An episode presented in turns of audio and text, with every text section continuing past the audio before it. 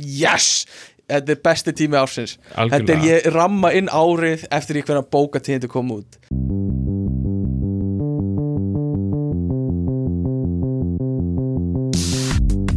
Halló er eitthvað að frétta?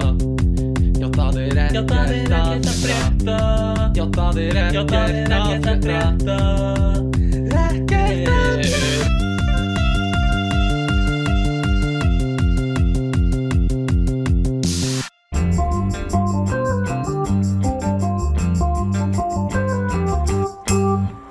Já, verður blessaður Lárus og velkomin í Kiljuna uh, Þú varst nú að gefa hérna út bók uh, bollaleggingar við pissuskálanar Getur segðu okkur stundum máli um hvað fjallar þessi bók?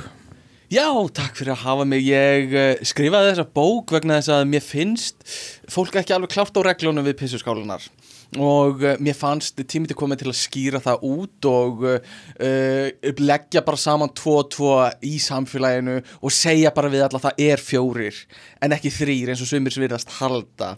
Uh, ég vil bara þakka þið fyrir að taka við mér hérna í þættinum, Egil. Já, það er nú bara minnsta máli það er nú mitt, mitt hlutverk að fjalla um bækurnar sem koma út hér á, hverju ári Þetta er nú svona svolítið nýttin bók Já, þið fyrir það. Þetta er náttúrulega skrifað í stutt, svona stutt smásagnastíl í rauninni. Þetta er svona prósar, má, má Þetta eru segja prósar, ymmið, það má eiginlega segja og þetta er náttúrulega nýromantík í rauninni, þetta er ekki raunsæi, nei, nei. Nei, nei En getur þú gefa okkur svona smá dæmi? Já, ég skal lesa bara upp úr fyrstu blaðsíðunni. Ég grýp bara niður í miðja sögu. Já, endilega, bara, bara það sem hendar Ég rendi niður rennilásnum, svitin draupa venninu mínu. Maðurinn við hliðin á mér var standandi í næstu pissuskál. Ég horfði á hann, hann horfði á mig. Aug okkar mættust. Ég sagði við hann, góðan daginn. Hann svaraði hyglaust, góðan daginn. Ég horfði niður, hann horfði niður. Við pissuðum í takt. Þetta er uh, í rauninni, uh, þetta, er, þetta er svona í miðri bók er þessi litla, litla saga. einstaklega áhrifa mikið og ég held að mm flesti geti tengt við þetta Ymmit, ymmit. uh, bara fólk af öllum kynjum og öllum, öllum aldri Já, það er, ég skrifaði þetta svona með það í huga. Já, Takkaði fyrir. Var þetta ekki bara fínt, eða? Var þetta ekki bara Mjög- ágætt? Þetta er mjög sannfærandi Já, ok. Það, það er gott, það er gott. Uh, velkomin í þáttinn, uh, kæri hlustandi. Uh, þú líka, Björgvin, alveg, mátt alveg fá velkomin að þú vilt, sko. Velkomin í þáttinn. mm Takk, Uh, en ekki oft sem Hérna- að færa að vera með í þessu. Nei. Ekki oft sko. En, en þú farið að vera með. Og við hérna Tökum bara hjartanlega vel á móti öllum sem er að hlusta. Takk fyrir að hlusta. Ég segi þetta alltaf bara í lok þáttar Kannski verðt að segja það núna bara Fyrir ykkur sem er að hlusta Kunnum ógæslega vel að metta Og ykkur fáu sem eru með í þessu Ég ætla ekki að segja samfélagi En svona afkima lítils samfélags sem er íslensk podcast og þá er þetta svona lítill svona einhver, þetta er svona einhver botlangi í íslenskri podcast menningu sem Mhm. skiptir einhver máli sko. Uh, en hérna uh, já, allavega. Gaman, þetta, er, gaman þetta, þetta, er, þetta er svona underground senan sko já, Og- á- 100% Áhrifin, þú veist, þetta byrjar allt hérna áhrifin og svo þú veist, faraðu upp á yfirborðið héðan, sko. 100% og við erum að gera sko við erum að gera tilraunakent podcast uh, við erum með sko mjög hrátt podcast og það er mikil orka í því og hérna, Mhm. þetta er alveg eins og underground hip-hop senan eða underground stand-up senan eða eitthvað, þú Mhm. veist, það er einhver orka hérna, skilur við og, Já. og, og svo verðum við frægir, skilur við og, og eitthvað svona verðum, verðum með mainstream podcast og allir að tala um þeir voru betri þegar þeir voru, þú veist já, undercover og, það- og líka þess að verða allir bara eitthvað, já, þú veist, ég var að þess- þessir sjö, þú veist, þeir verða, já, ég þú veist, hlustaði á það áðun kom upp á yfirborðið. Já, já, já. Skilur, og þeir mega eiga það eða þau mega eiga það. Þetta Já, er bara- ekki bara þeir. Um, en hérna, æðislegt að þið séu með okkur. Uh, við Bjöggi byrjum alltaf þættina okkar á, á einhverjum svona litlum ég veit ekki, þetta er ekki skets þetta er bara eitthvað svona imp, þetta er bara, svona, þetta er bara svona spunarugl. Við, ekki, við ákveðum ekki neitt þegar við byrjum þessa þætti og svo hérna förum við bara inn í það. Og hérna uh, fyrir ykkur sem eru ný uh, uh, ég veit ekki hvað ég er að segja. Ég er ég ætla bara að segja ég, bull, ég er ógíslega þreyttur er mikið gangi hjá mér þessa dagana. Um, og hérna, ég er að keppa um helgina í kraftlytingum uh, sama dag um kvöldi er styrtarsýning í imprónu UNICEF fyrir börni á gasasvæðinu uh, þannig ég hvet alla að hún verður sannlega búinn þegar þetta kemur allan að gefið bara til styrtar UNICEF hérna, ef þeir eru að hlusta. Uh, klárlega hérna eitthvað sem uh, uh, er, er bara nöðsynlegt bara oft í Þi- þáru nú er nöðsyn sko. þú veist, þegar þú segir styrta síning að þá, já, ég, ég skilja þannig að veist, þið takið upp sýninguna og sendið hana út. Uh, nei þetta er sína bara veist, ég er að keppa í liftingum og svo kem ég og síni hvað ég er sterkur í þjóðleikur skallaranum skilur þetta er Ah, svona já. styrt, sína styrkin skilur uh, einmitt, og allt improv liðið bara já það, það er bara í kring og er eitthvað svona sjáu þið hvað hann er sterkur? Eitthvað svona skilur já, Uh, já, já Þetta, ég held að það væri bara svona, þú veist, senda út og þú veist, bara fyrst fyrir börnin að þú veist, til að hafa eitthvað svona skemmtilegt að, já fyrir þau til að horfa á. Já, hérna, já, nei uh, þau fá ekki að sjá þetta sko því miður. Uh, en nei, þetta er basically bara síning þar sem allur ágóði, þú veist, það tekur engin, engin laun fyrir og allur ágóði fer beint til UNICEF. Uh, og hérna uh, það og svo er mikið í gangi í vinnunni sem ég má ekki tala um. Uh, en þú veist, það er mikið í gangi þar uh, og hérna máttum tala um það í næsta þetta Já, og svo, þú veist Improv podcastið er farið í gang aftur og svo er ég alltaf að reyna að halda þess á floti skilur uh, með góðri hjálp, en þú veist það er partur aðeins, þannig að mikið í gangi akkurat núna, hittur á. Þannig ég hafði ekki tíma til að elda og fór á Serrano í dag og ég ætla bara að spurja þig. Mm -hmm. skilur, þetta er bara í algjöru hreinskilni vil fá svar. Um, segjum að einhver uh, hafi einhver tímann verið að vinna uh, í háskóla umhverfi og hafi fengið háskólakort, svona starfsmannakort. Um, og segjum að við komum til viti að ákveðnar veitingastæðir eins og mögulega Serrano bjóð upp á uh, stúdentaafslátt eða nefndaafslátt um, og segjum að þessi viðkomandi fari stundum í búðirnar og segi ég með svona háskólakort en segist ekki vera nefandi en liftir kortinu. Uh, mm. og starfsmennir uh, segja bara já, flott. Uh, er það innan marka? Skilur þess sem er leifilegt er þetta, hérna er þetta gamalt háskólakort frá því þú varst nefandi eða frá því þú Nei, varst nei, að vinna nei. í háskólanum? Frá því ég var að vinna, ja, ekki ég uh, þessi svona hypothetical manneskja, skilur já, já, já, frá því hún var að vinna í háskólanum uh, átti starfsmannakortin stendur á staff mm. uh, og við komum til heldur alltaf svona í endan á kortinu þar sem staff stendur þegar hann sýnir uh, kortið. Já ég þú veist, þú veist á einhver, einhver þú veist, á ein, eina vegu þá myndi ég segja Mm. að það sé allt í lagi.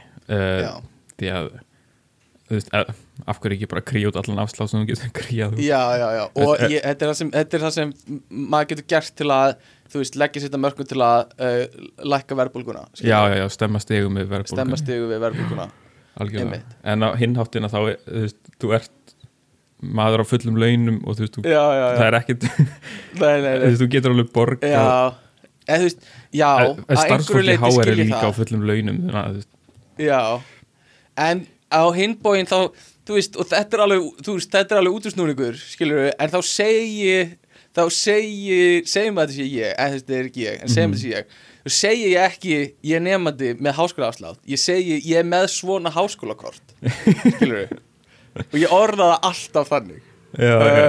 En og þú síni svo hvernig háskólakort ég er með, já, já, með svona kort. og byði ekki afslátt, Nei, skilur við, nei. og þau bara stimplin afslátt, þetta er þeirra ákvörðun. Þetta er þeirra ákvörðun að gefa afsláttin, ég bara þú segja, Já, af því ég segi bara, ég er með svona háskólakort. Og þetta er háskólakort sem ég á Já. skilur algjörlega. Uh, bara segja. Þú veist, ég myndi Uh. segja, ok. Mm aðferðin sem þú ferð að þessu Já, hún er, hún er siðlaus. Já, Eh, þú veist, eh, verður bara alveg þú veist, ef þú ætlar að ljúga út afslátt já farðu bara allar leið og segðu bara, veist, ég er með háskólakort eða veist, ég er ég er nefnandi eða ég er starfsmæður í HR eða eitthvað já, já, veist, ljúðu bara alla lína veist, engar hvítarlegar bara já. En aftur, þetta er náttúrulega ekki ég sko. Þú veist, Eh. þetta er algjörlega hypothetical já ég bara veist ég er að bara þú veist þeim sem að myndi gæti mögulega lendi í þessum gæti mögulega nefnt í þessu einhvern tímann. Allavega veist Eh, ég þekki líka alveg strák sem að mm, sem að hérna veist Já, var, var í listaháskólanum. Já, já, var, var í listaháskólanum. Uh, og þú veist hann er með hann er með kort listaháskóla kort og það stendur á því sko að það sé gilt út 2024 aha. Þannig að uh, þessi strákur notar það stundum til þess að fá einhvern afslátt. Ímitt. og þessi strákur líka var einn svona vinni hjá Reykjavíkuborg uh, sem kennari og uh, fekk svona sundkort kennara fyrir Reykjavíkuborg og hérna uh, hefur bara notað það eftir að hann hætti að vinna sem kennari sko. uh, já, enda þú veist það virkar og kemur honum inn í sundlaugina já, já, nákvæmlega, nákvæmlega. Uh, en þetta eru náttúrulega ekki þú veist við sko.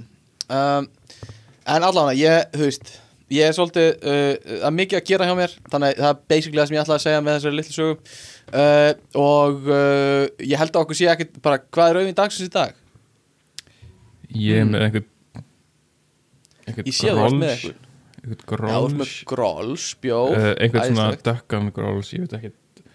Gerýpte herstbók já, mann- hertbók þú ert með dökkan gróls er hann Yes. betri en ljós gróls hver veit, dökkur gróls eitthvað svona. Uh, og uh, síðan hvernig hefur uh, rauðvin dagsins verið með slagur að í- jú, þú veist, að það er til dæmis hæni can en ekki hæni kent um, uh, en styrtaræli þáttarins í dag þeir eru með slagorð. Og það er náttúrulega styrtaræli þáttarins í dag eru hérna hérna uh, haustlitinir uh, ur- gulur rauður Mhm. brún haustlitinir uh, það er basically hérna uh, það sem við erum að gera. Uh, allavega, hvað segirðu? hvað er frétta? Bara ekkert að frétta? Já, já, já, hárétt uh, En hjá þér, er mikið í gangi? nei, Herði, þú þarft nú að segja okkur frá í síðasta þætti sem þú varst. Þá varst að tala um hérna uh, mannin sem bauður á, á, á, á heimdi sín. Já, einmitt. Það hef, hefur nefnilega ekki orðið mikil þróun Nú, eh, já, já, eða já, svona, já. sko það sem að gerðist er að við, við vonum fyrst eitthvað svona að tala um eitthvað, ég man ekki hvort ég hefði hitt hann á föstu degi eða eitthvað svona rétt fyrir helgi og þá var hann að segja eitthvað, ei, vilja ekki bara koma hérna á Mhm. mánudaginn eða þriðudaginn eða eitthvað? Og ég Já. sagði bara eitthvað, jú, hérna verðum í bandi. En svo bara, vorum við ekkert í bandi. Og svo, þú veist, á mánudegi eða þriðudagi þá hitti ég hann í ræktinni og við erum eitthvað Uh-oh. svona, uh, sorry, hérna, ég bara veist, gerðist ekkert. Og báðir eitthvað svona week eitthvað en ég segi við hann eitthvað svona, ef ekki bara reschedula í næstu viku og Já. við tölum eitthvað svona, jú, kannski geti fimmtudagurinn henda vel eitthvað Aha. og svo þú veist, daginn eftir eitthvað þá fatta ég eitthvað svona, á nei, hérna vinkona unnur að koma í heimsókn á fimmtudaginn Mm. mm. hana, en ég læt hann ekkert vita fyrir en að hann sendi mér skilabæk hei, viljið þið koma klukkan sjö á fimmtudaginn Já, og, og þá er ég eitthvað svona, "Ja, hérna hún er að koma vinkona Eitthvað er eins og ég sé alltaf með einhverja afsakanir sko. en þá sagði ég bara, svona, ok ákveðum bara einhver tíma hérna í Já. sem er náttúrulega ekki fyrir í þar næstu viku þannig að hlustundu þurfa aðeins að fá að býða eftir Já, já, ekkert mál. málalokum sko. Ok, þetta er, samt í, þetta er einhverju ferli. Þannig að þú ert að mögulega eignast nýjan vinn uh, Hlakka til. Um, Hann er öruglega ekki sterkar en ég Þannig að þetta er alltaf lægi hann er samt Um, í crossfit sko. Ha, hann, er, hann er í crossfit sko. já, alveg sama. Hann er í betra Aumingi. formi hann er, hann er, Hann er í betra formi en ég En hann er ekki sterkar en ég. Þetta er sem ég hugsa alltaf Þú veist, þegar ég hitti nýja mannsku Þá basically hugsa ég uh, Er ég sterkar en hún?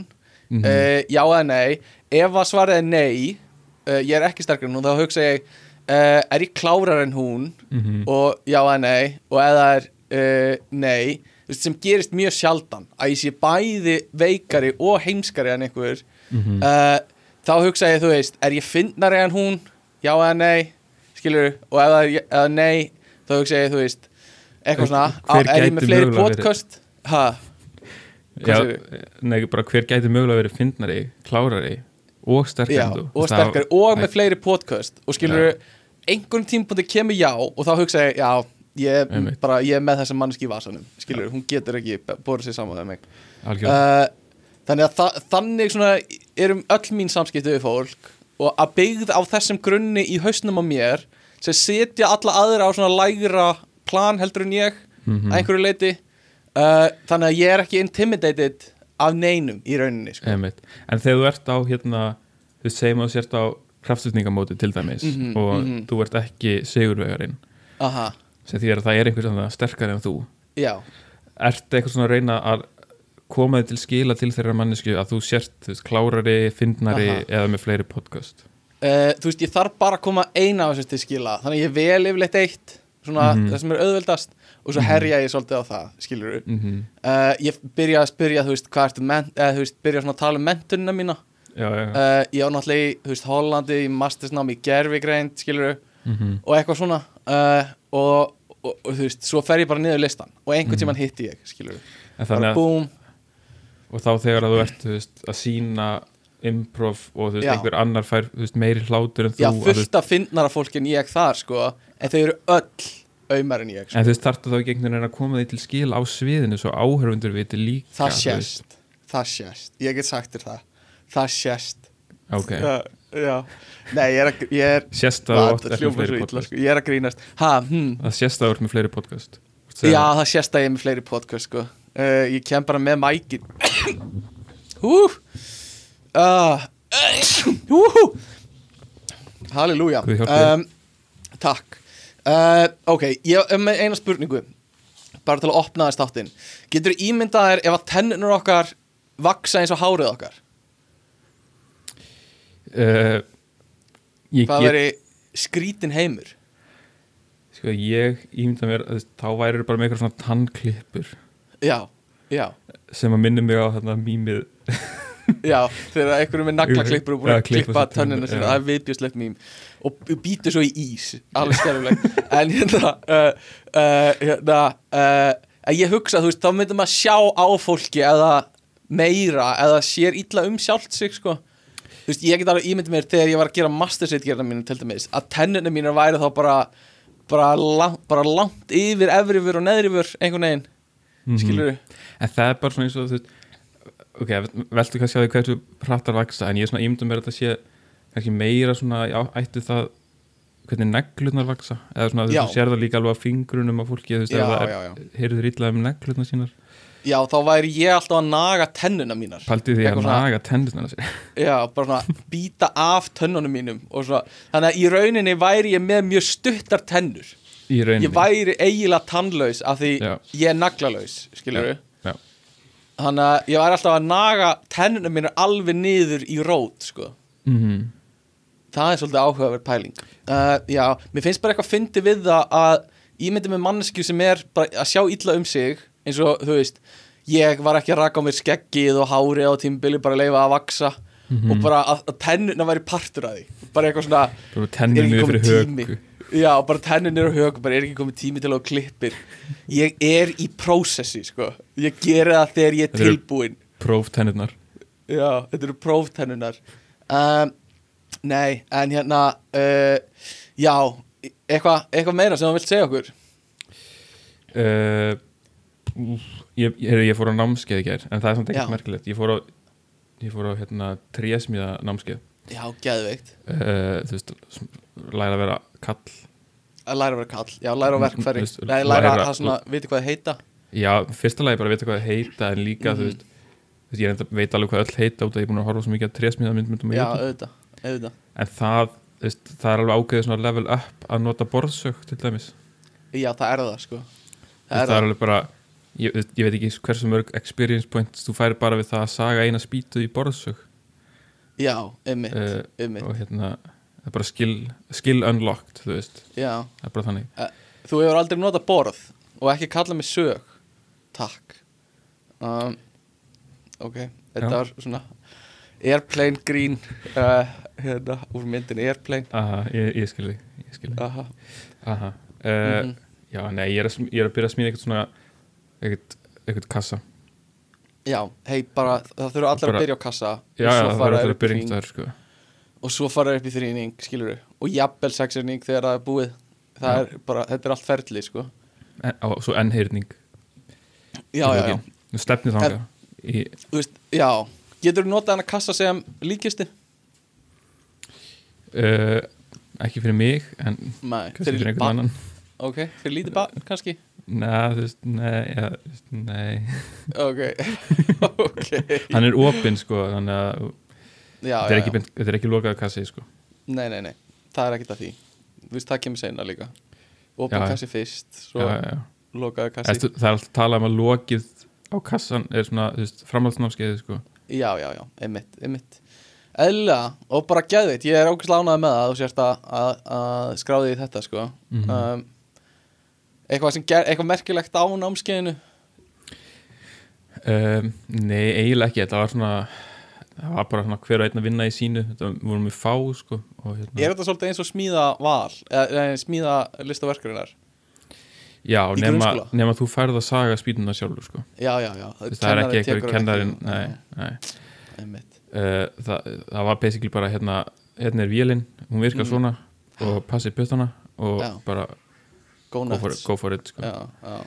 Það er geðveitt, sko um, uh, Krakkar eru alveg uh, va- vanhæfir, sko uh, Bróður minn til dæmis sagaði inn í puttan á sér í smíðatíma, sko Þannig að það er alveg ástæða fyrir þessari reglu hjá kennurunum, sko já, já, uh, En hérna Herri, ég var í sundi með kærustunum minni uh, í vikunni.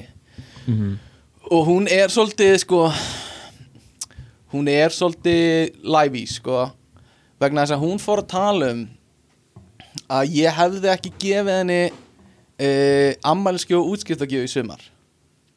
Og ég eitthvað svona ha, var það? Eh, gaf ég þér ekki gjöf? Og, og eitthvað svona já, Mhm. ertu alveg, hún eitthvað, nei, þú, gafst mér ekkert. Við vorum í framkvæmdunum og þú sagðir að þú ættir ekki efnaði að gefa hérna gjöf. Og ég eitthvað svona gaf ég þér ekkert? Og fór eitthvað að hugsa þetta. Mhm. og, og hérna hún eitthvað, nei. Þannig að er ekki komið tíma á að þú gefa mér þú veist, einhverja úlpu sem var að koma út einhver, einhver ný lína af einhverju. Ok. Ég eitthvað svona mm, þú veist, já, ef ég gaf þér ekkert.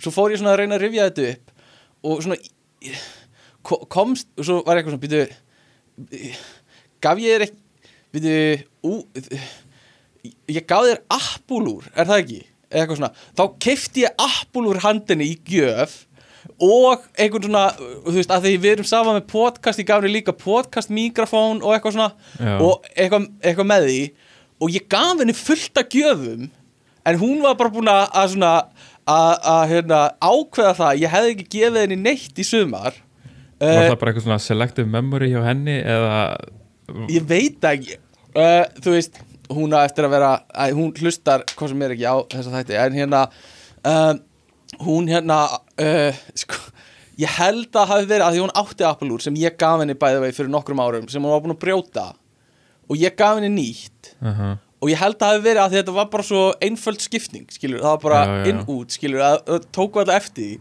Einmitt. eitthvað svona að hérna að, að, að hún hafi ekki alveg meðtekið skilur hvað það var Já, og já. að svona gleym, gleymst einhvern veginn uh, það er bara fann- eðlilegt líka þú veist, en kannski tókum þið bara ekki sem gjöf vegna þess að það er bara eðlilegt að þegar kæristi gefur gjöf mm, mm, að þá er svo gjöf ævilangt í ábyrð já, já, þú veist, ef hún brotnar eða mhm, þá, er já. kærastinn þarf alltaf að endur nýja endur nýja, já, já, já þetta er, er, er gefa í ábyrð já, ymmi, það hefur verið kannski einhver svoleiðis hugsun.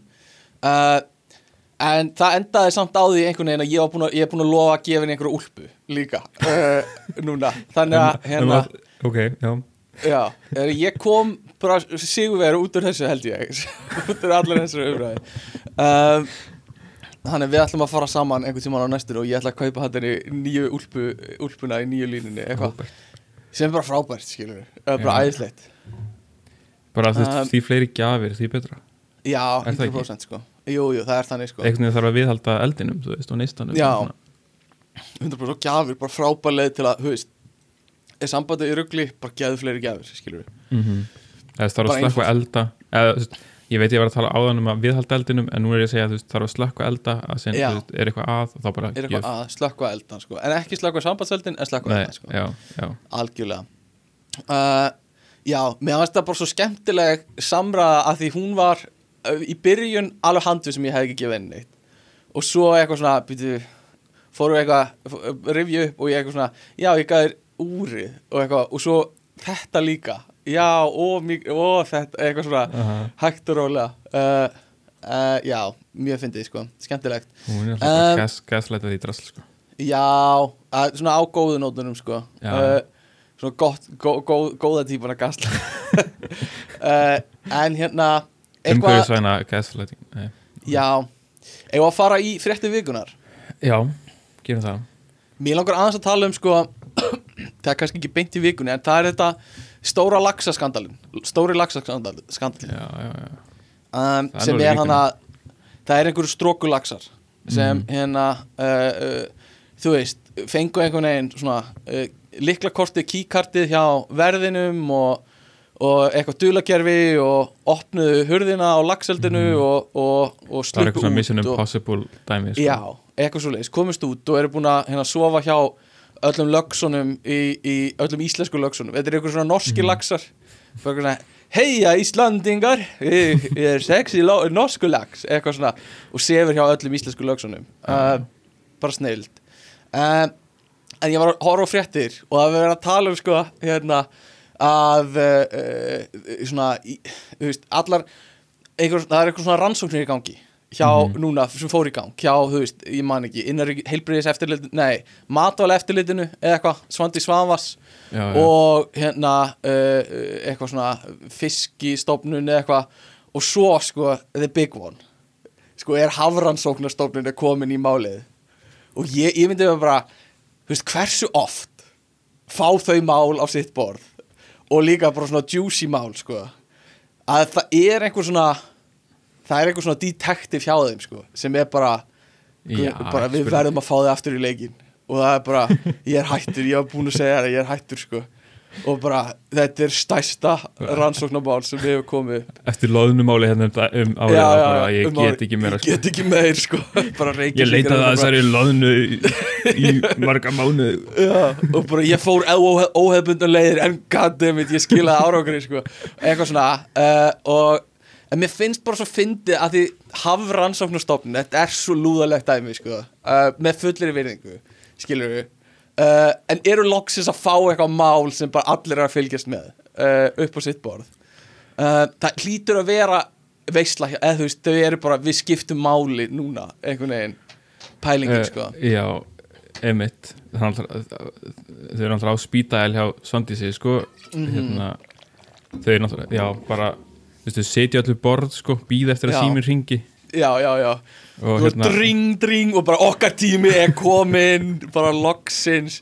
Uh, það er bara svo fyndi nafn hafrannsóknarstofnun það er ekkert öll lönd með hafrannsóknarstofnun skilur við, bara En samt, já, hvað meinar að lönd sem að stunda lönd sem liggja ekki að sjó eru ekki með hafrannsóknarstofnun, ég get lofa þetta sko. nei, potið ekki Þú veist. uh, og hérna í öðrum, þú veist, þetta eru tilheyrir Þeir eru bara öðrum með landrannsóknarstofnum já, já, já, skilur sem við erum ekki með. Eitthvað svona. Um, en, en já, æ, mér fannst bara að fyndi að þau fengjum loksins eitthvað að gera sko, á Havró Mhm. uh, og hérna bara geðveikt, bara til ham ekki með það. Og ég vona að finnið alla laxana og setju það aftur í fangilsið sko. um, Mhm. en já, þú varst búin að taka saman einhverja fréttir, fréttir vikunar Ég með nokkra fréttir uh, aha, Sko, við byrjum á hérna alvarlegu máli. Já. Byrjum að alvarlegu máli sko. og hérna tvö alvarlega atvik á lóð Ertu breyðagerði búin að heyra af þessu? Einhverju svona Nei. strákar já, eða að hérna henda stíplueyði á aðra já, krakka? Já, á einhverju stelpu. Æ, já, og, og, og eitthvað einhvern annan strák. Ég, hérna, Þetta er skelvilegt atvik. Ég veit ekki hvert teikja okkar á að vera á þessu sko. Nei, veist mér finnst hvað það bara á rítstjórun að segja sko. ég veit það ekki, það er veist, það er ekkit að vera með eitthvað teik þetta er bara Já, þetta er bara rugglega hræðilegt sko. sko. ég, Þetta er bara þú veist, Þetta er eins og eitthvað atriður hryllingsmynd sko. Ég skil ekki Og ef þetta er eitthvað af einhverju TikTok trendi eitthvað, ég, ég skil ekki hvernig þú kemst á þann stað sko. En svo Nei. hinbúin er þetta bara krakkar Og maður veit ekkert hvort þau vita hvað þau eru að gera eins og niður sko. nei, Eh, uh, mitt en þegar, en, já, en í svo verður maður líka að gefa þeim kredit fyrir að vera bara, þú veist, já, þetta eru krakkan þetta eru líka manneskjur, skilur og eru með eitthvað, hljóta að vera með eitthvað vit í kollinum, þau hljóta að vita þetta. Já, ég hérna sá hérna, eða það er, enda, það er búið að tala um það í frétt núna að, mm. að sagt, það er einn uh, sem sami náungin eða sami, sami badnið við hérna uh, viðriðin bæði þessi mál. Og Já. ég sá Una síndi mér á hérna, einhverju Facebook-grúpu fyrir hverfið hennar heim á. Íslandi því að þetta er að gerast í hverfinu hennar. Mm að þar er eitthvað svona hérna, er einhver að ganga á milli krakka eitthvað svona, ég veit ekki, eitthvað screenshot eitthvað texti, eitthvað svona upplýsingar um hennar strákin sem sé bara að terroræsa hverfið, sko. Já, það Ó, Eh, guð, en- ég veit ekki Ég er bara hrættur um að koma það heim til mín, sko Ef við tölum um þetta. Þú náttúrulega býr Eh, ekkert langt frá, sko Nei, ég nefnilega ekki langt frá, sko. Um, Já, þetta er bara skelfilegt, sko Og bara, uh, uh, já Ég veit ekki eins og hvað maður á að segja, sko. Við skulum bara ekkert segja, við skulum fara í næsta. Nei.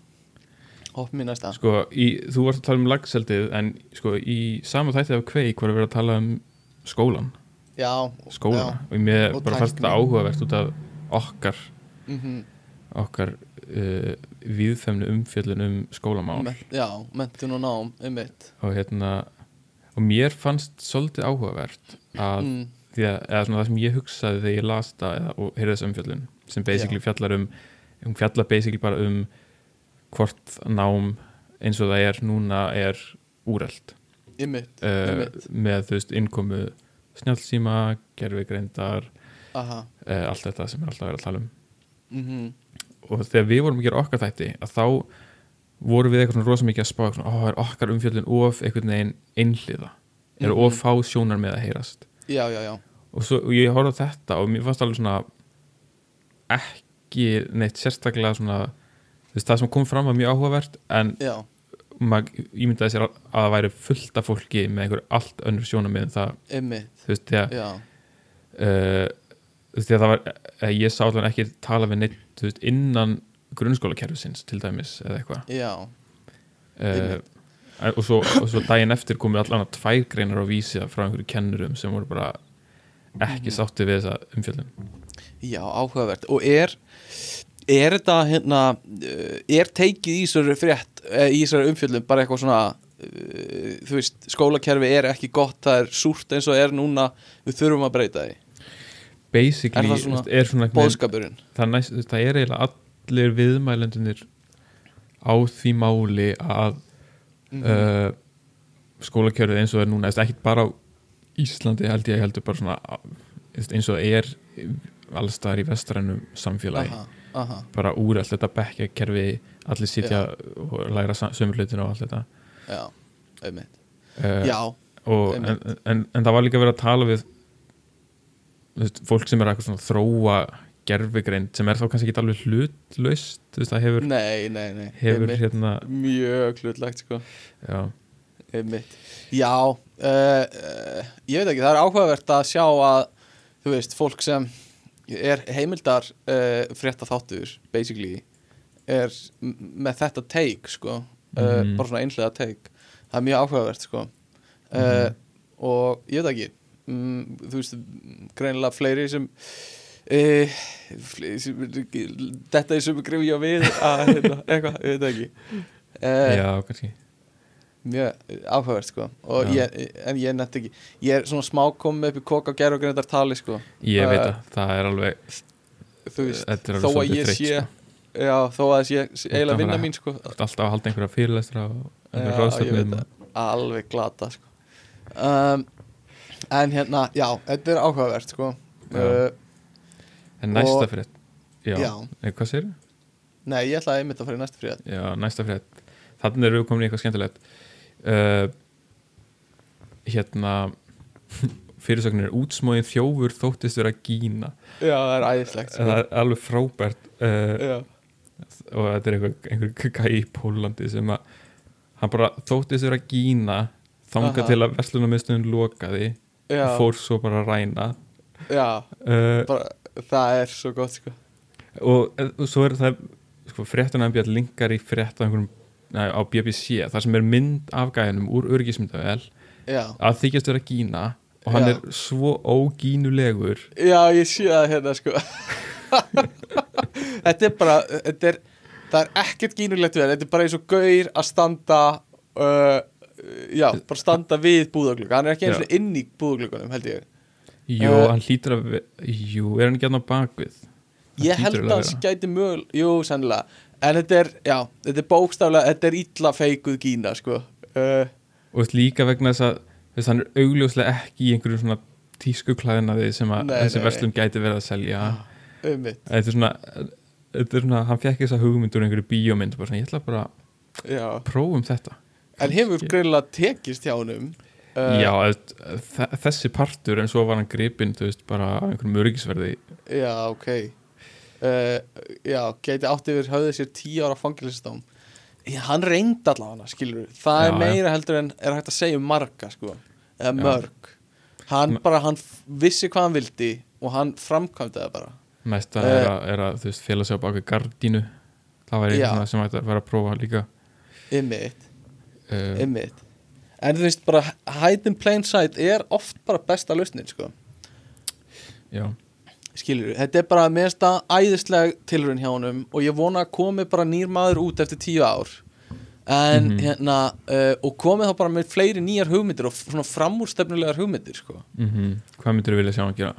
Uh, þú veist ég væri til í að sjá hann reyna að, að hérna uh, sækjum vinnur sem þú veist uh, Kína til dæmis. Mm og sjá hvort það gangi. Ég vil sjá hann meira að gera eitthvað við þessa Kína hugmynd ég held að þurfa bara aðeins að nú hans aðeins að workshopa gínu hugmyndina aðeins að workshop hann á þá, þú veist, steinleikur hún sko. Ok, ég er 100% að því. Um, við og sendum hann bref í fangilsið og hérna já, ekki, með stuðningsorðum til hans. Bara gerum það sko.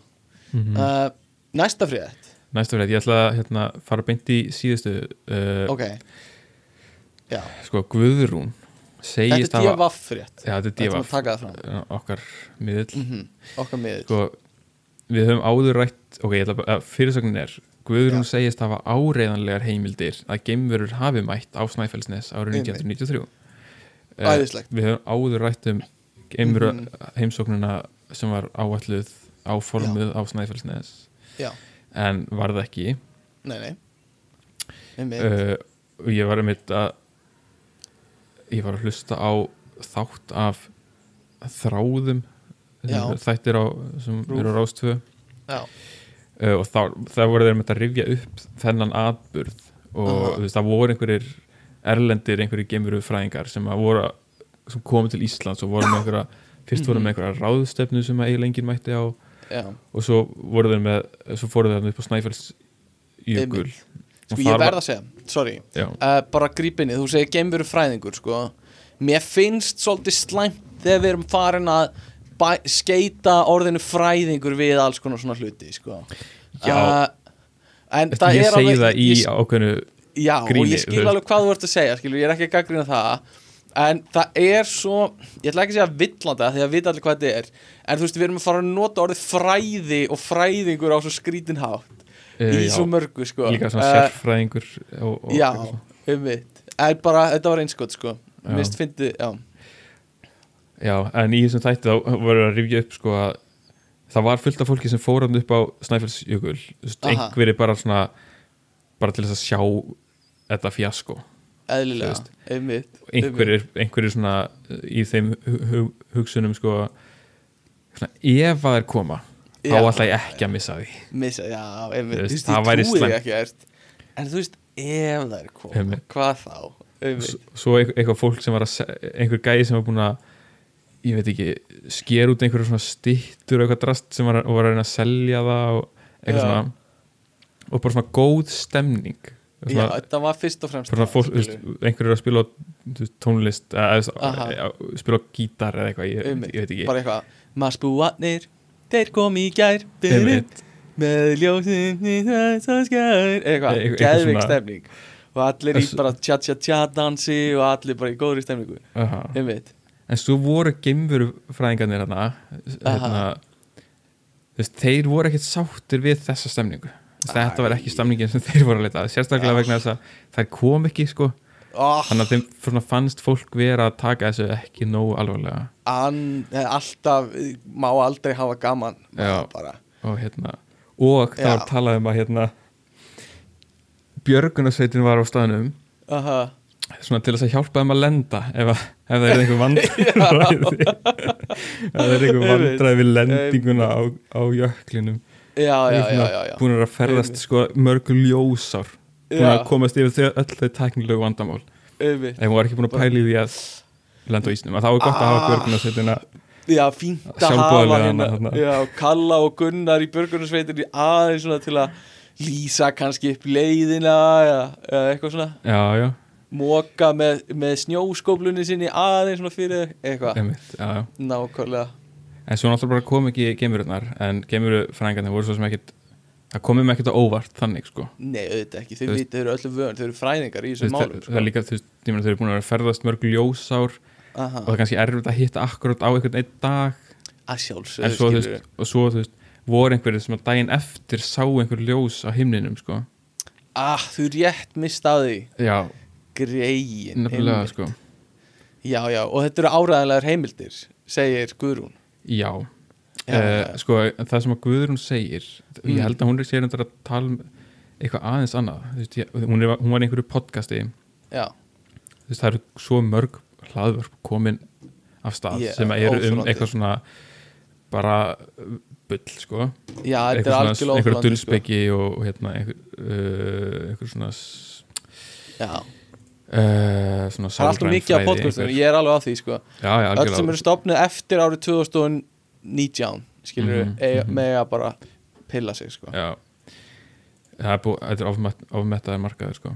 En er hún segir sko uh, æ, já sko emitt Guðrún hefur það hins vegar eftir áreðanlegum heimildum að geimverur hafi mætt á svæðið en út af umstangi og uppþótti í kringum mannskapin sem hafið safnast þarna saman hafi þar aðeins opinberað sig fyrir fáum útvöldum já, já, já, já, já, einmitt, einmitt, einmitt, einmitt. það bara kemur heima saman við svo margt sko Já. að að það sé þannig Þetta meikar alveg Eh, sens líka já, líka bara, þú veist, búin að vera að ferðast eh, þú veist, þreita, jetlag og allt þetta þreita já, þú veist, þegar ég kem heim eftir að hafa keirt frá eigilstöðum eða eitthvað, ég er ekkert að hoppa í einhver partí, sko, ég vil Nei. bara setjast niður og kannski horfa á mynd eða þátt Mhm. eða eitthvað Mhm. uh, með þannig að fáum þau hafa útvöldum örgulega já, hist og kannski hort á pilotun og Seinfeld eða eitthvað Mhm, uh, saman, eitthvað svona Mhm. örfá og gemverunar mhm. uh, og bara svona tekið rólega dag uh, sko í þessum hlaðarpsætti þá eru þeir líka að tala um uh, eðlu fólkið og eitthvað svona já, geðveikt og, það, og sko, þessi grein á divaf er skrifuð eins og, þú veist, hún er ekki það er engar svona tilvinnanir það er ekkert eitthvað svona bla bla bla bla bla segir. Guðrún og Nei, bla bla bla nei. segir, veist, Gunnar þáttasjórnandi, það er bara, já, já, það er engar svona gæsalapir en neitt, þannig að það er bara eins og þetta sé sannleikur. Já, og það er Og svolítið fyndið hérna uh, það undarlega ok, þau eru að tala um fóringja einhverja eðlu fólks. Já. það undarlega gerðist í upptöku þessa þáttar var að um það leiti sem fóringjarnir voru nefndir á nafn í tengslu við eðluflokkin slöknuðu allar myndavélar á sér. Og því Ó. vantar myndefni síðasta hálftíman eða svo Nei, myndefnið er tekið upp á hefðbundna iPhone síma og grunur leikur á að flokkurinn hafi grein, greiðan aðgang að hljóðnemum allra nettengdara tækja og algoritmin lesi umfjöllunum sem þessa sem reyna ógn við útfærslu hinnar miklu enduræsingar sem er eitthvað voða svaka conspiracy. Já. Hljó, hljóðupptakan helst þó sig heil til enda viðtalsins enda tekin upp á lokaðri hljóðrás sem eðlufólkið hefur engan aðgang að Oh my god. Þetta bara meiðir mig að heyra þetta sko.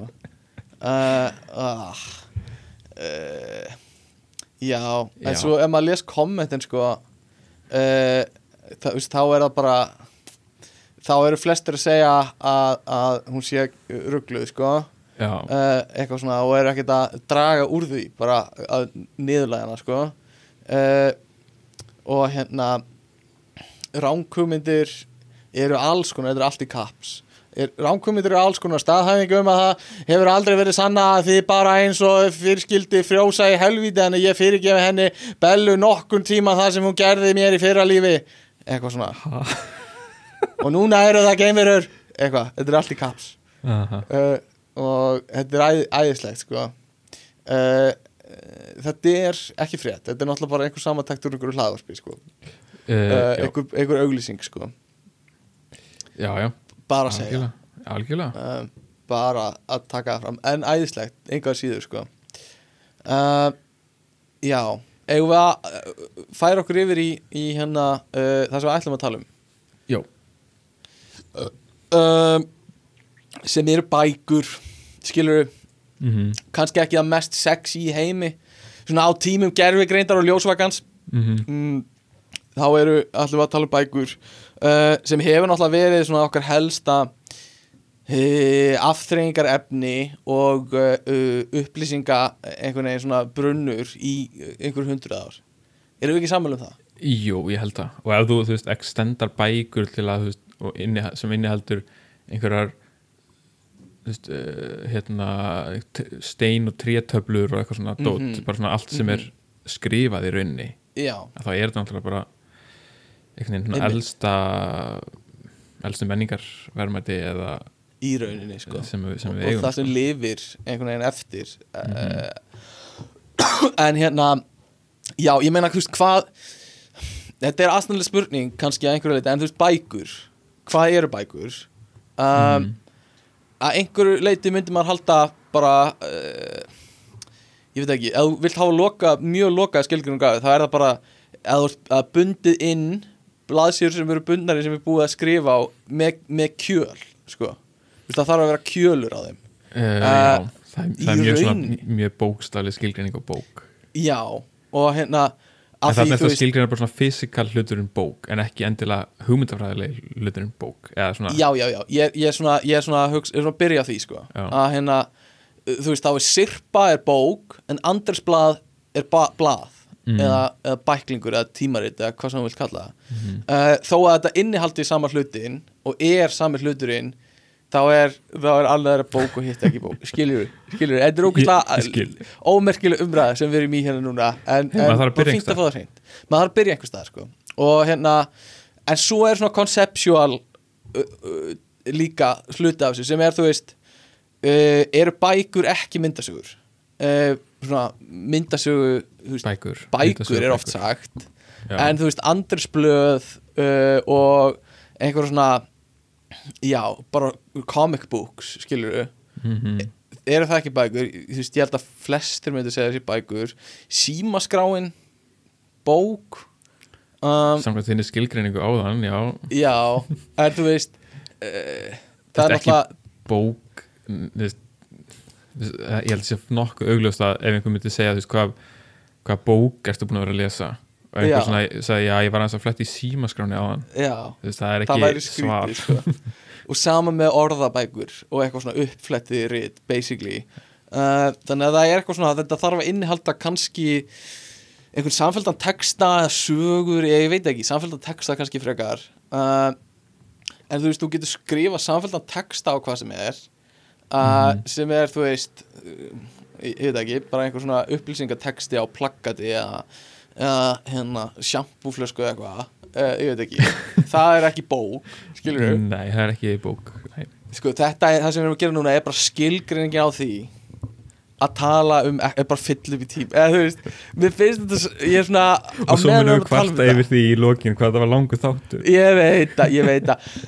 En ég bara hugsa, þú veist þetta er bara, fyrir hlustanda sem er að hlusta á þetta, er bara skilgreiningin á því að hafa eitthvað í eirónum skilur, þetta er bara, þetta er eitthvað þetta er bara við að tala um hvað hva eru bækur. Uh, okkur veist, finnst þetta að vera ekki eitthvað svona heimsbyggilegt eitthvað. Já, hvað er veit. bók? Svona þegar þú pælir í því, hvað er já, bók? hvað er bók? Og allir eru bara strákar það Já. veit allir hvað bók er. Það var ekkert að skilgrina þetta. Uh, sem er æðislegt sko. uh, en þú veist uh, dagblöð eru ekki bækur. Skilur það er alveg klárt mál. Það er klart mál. En ef þú tækir fullt af dagblöðu saman og myndir prenta það út í svona í eitthvað rít sem er með kýli þú veist það kjölur á því Já, þá er það allt í náttúrulega bók skilur þá er árið dagbók. Já þá er það dagbók. Uh, en eh, sko áhuga kannski, mm, það er erft að segja áhugavert en svona áhugaverðasta umræðin í þessu er hljóðbækur og svona þróunin á næstu árum. Mm. uh, skilur, ef þú gefur út bók bara á hljóðbókaformi ertu þá búin að gefa út bók skilur já uh, þess, ég myndi alveg segja já.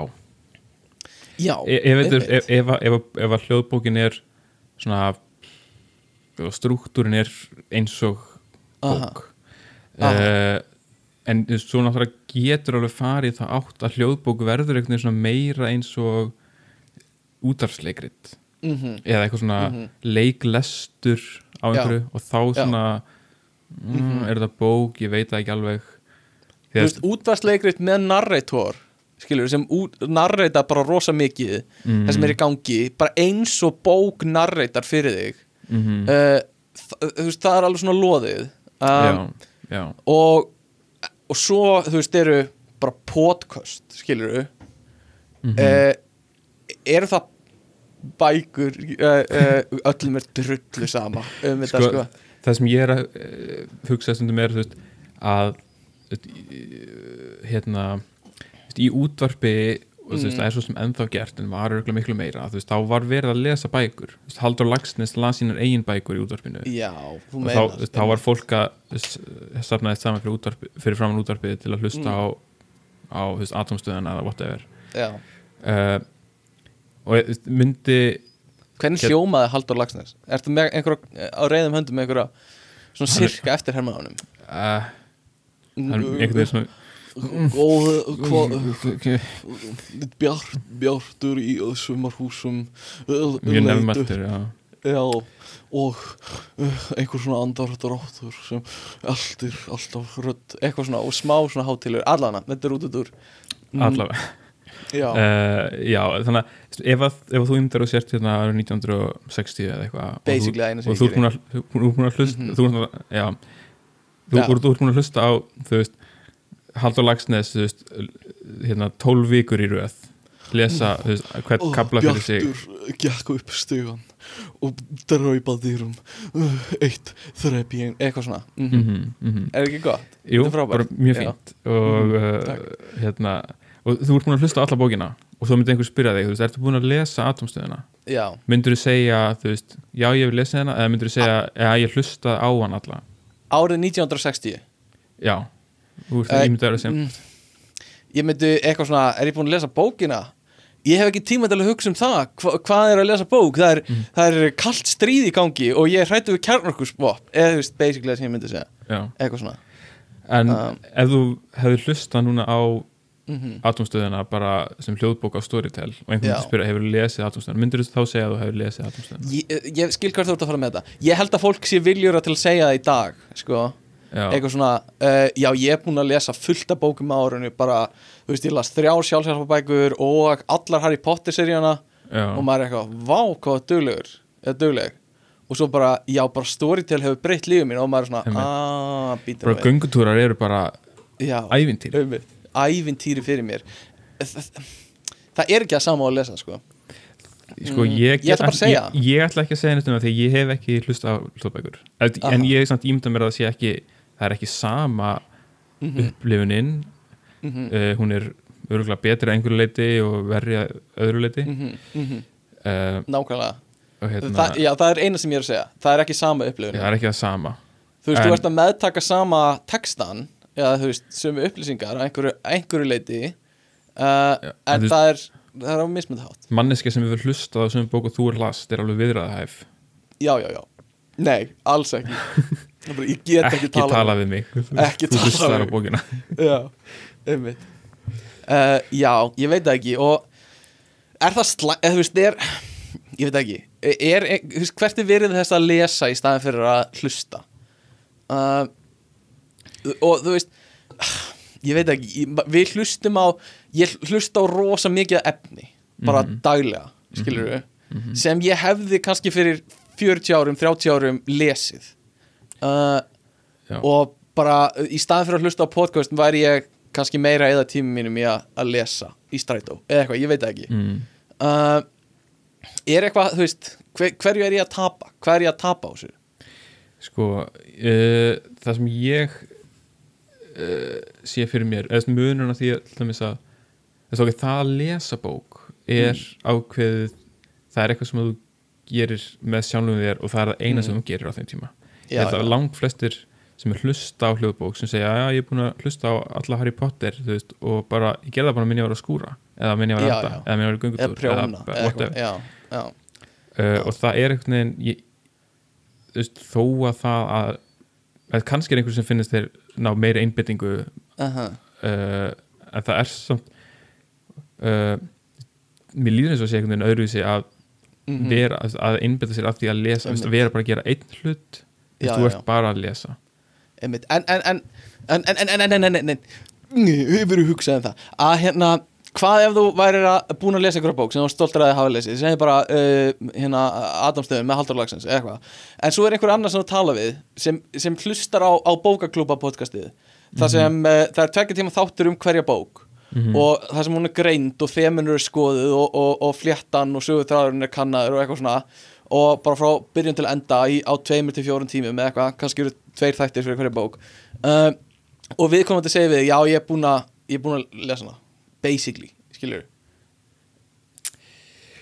ég, ég, ég veit um hvað hann fjallar ég veit all þemun, ég veit allt svona sem væri talað um á bókaklúpum um bókina uh, sem er rosa mikið hvernig ég neyti efnis þú Ég- veist, já. ég horfa ekkert endilega á allar myndir en ég horfa á umfjallanir um rosa mikið af myndum en, þú en, veist, sem dæmi en þá getur aldrei myndað þína einn skoðun á hlutnum nei, Basically. svona mm, hún, hún er alveg hún er alltaf einstaklega Já. mikið lituð af fólkinu sem Já. að tjá sína skoðanir já, og skoðanir sem þú byggir á er byggð á öðrum Eh, hún er ekki byggð á upprunalega efninu basically já. um, og náttúrulega já, veist, það að veist, það að lesa bók snýst ekki bara um það að vera búin að lesa bókina og þá vita allt sem gerist í bókinni heldur já, þetta þetta er er- er ferlið. huga sko. þetta er ferlið sko. já, ok en að, uh, ja, það sem fólk er að sækja í þegar að les mm uh, skáldsögu er þú veist, að kynnast karakterunum að já, já, ímynda sér hvernig þeir líta út að Já. sjá fyrir sér aðstæðunar Mm að upplifa spennuna í Einmitt. allt þetta. einmitt, uh, einmitt. Ég, ok, sko fyrir þetta podcast ætla ég bara að segja, bó, bók er við þurfum ekki að skilja, það vita allir hvað bók er, skilur, það er einhver texti í samfélgdum máli, hvort sem hann er saga eða, eða eitthvað svona bara spjall og hérna, ég ætla alveg að leggja jöfnu að hlusta á bók í, í, í hljóðbókaformi fyrir Já. þennan þátt, sko. Um, og hérna uh, já, en ert þú lestu mikið? ekkert sva mm, og hver er þú veist síðasta bókin sem þú klárar? Að ég heyri oft af þér þú ert að tala um að þú sér byrj, nýbyrjar á einhverju bók.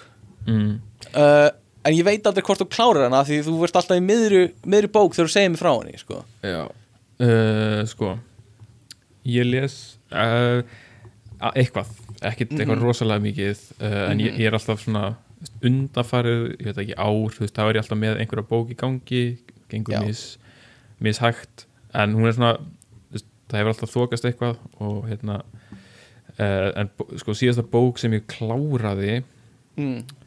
Uh, hún hún heitir hérna eitthvað No to a Like sem Já. er, sko, ég, ég var að segja þér held ég síðast frá bókinni hana, The Nurture Assumption. Mm þú veist, þá voru uh, sem um þú veist, að fóreldrar skipta einhver máli og allt þetta, basically basically. Mm en Einmitt. The No to a Like er svona framhald af því.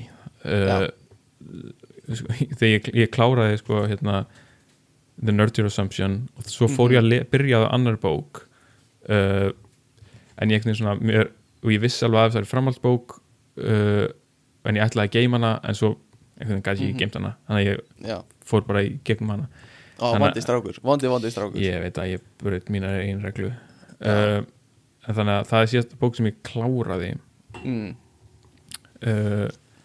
Þannig að þetta er, þetta er meira svona upplýsingabækur heldur en skáldsögur Nei, ekki endilega ég, ég reyna bara að blanda því sko. uh, Mhm. bóki sem ég er að lesa núna er skálsaga 60 kíló af sólskinni eftir Hallgrim Helgason já, uh, sem er mjög skemmtileg og ég gerir það fyrir að ég muni lesa framhaldsbókina mm uh, sem kom á eftir Já. sem 60 eitthvað eitthvað kíló Mhm.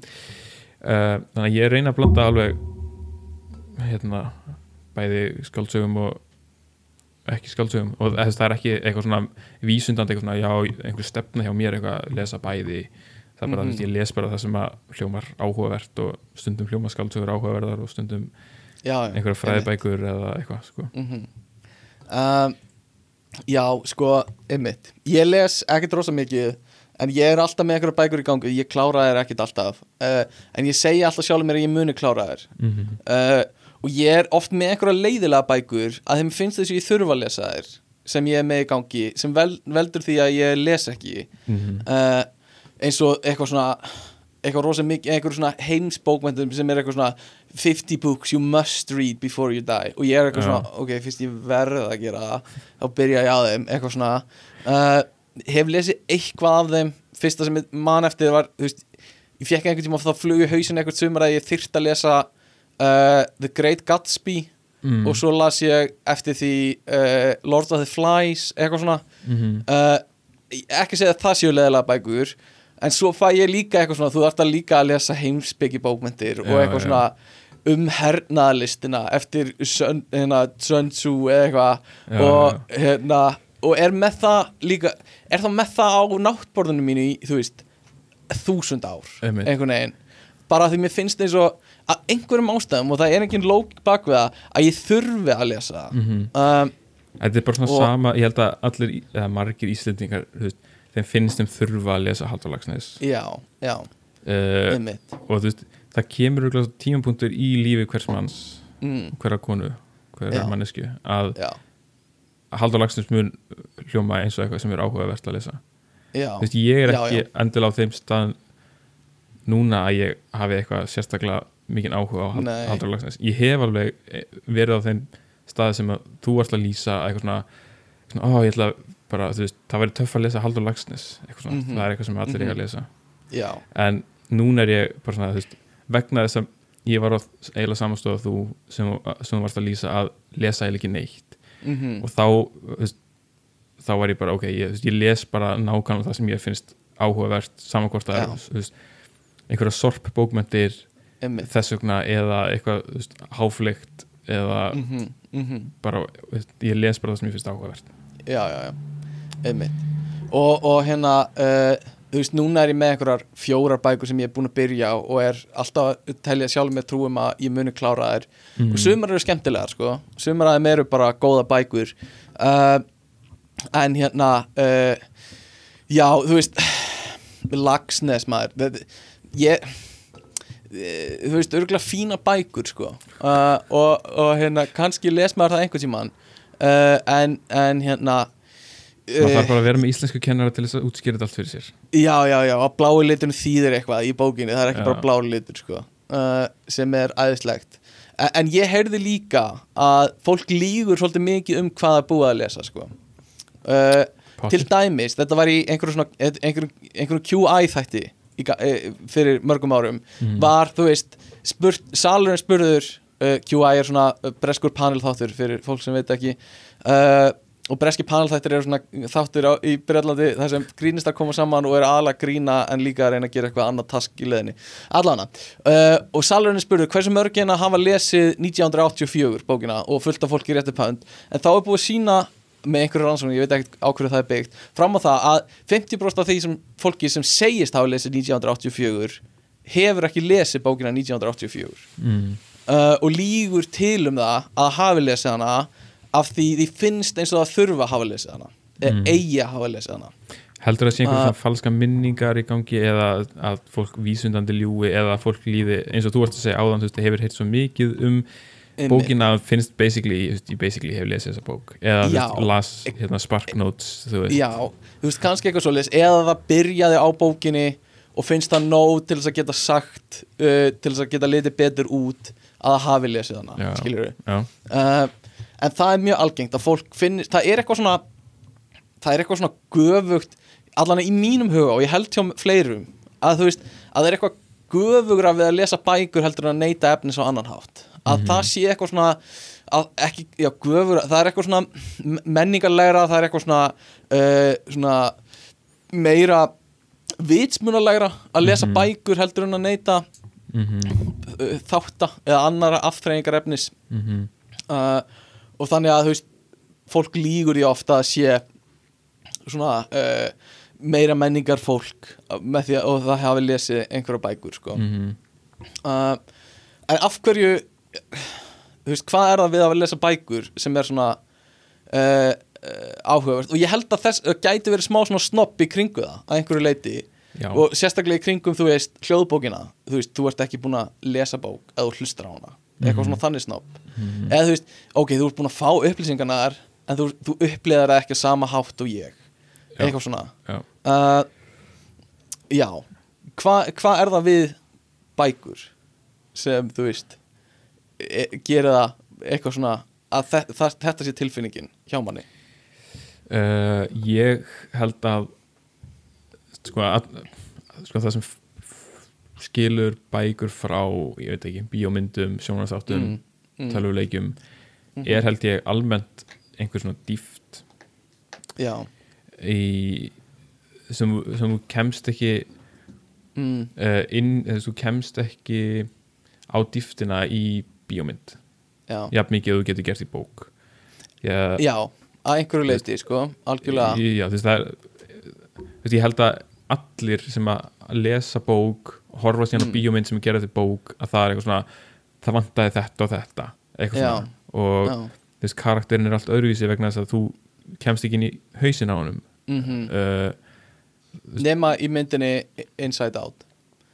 Já, nema í henni. Nema í henni þá kemst inn í hausin Já.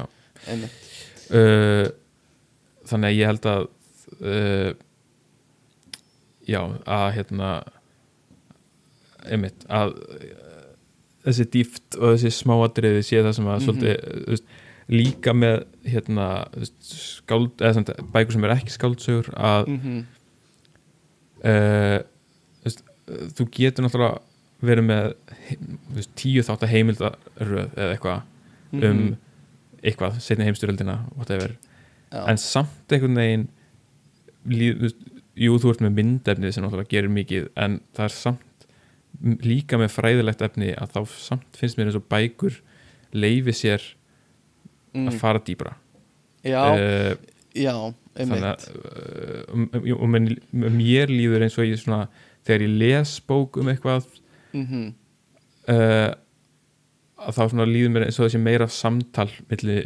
mín og höfundarins ok. frekar heldur en uh, mín og heimildamynd að gera mannsins mm uh, Þetta eru mjög valið punktar sko. Uh, og hérna ég held að þetta sé alveg klálega hluta því. Ég held líka að sko að lesa bók þá ert þú sem lesandi að gera gjörðina. Þú ert aktífur, þáttakandi þú þarft að lesa hana.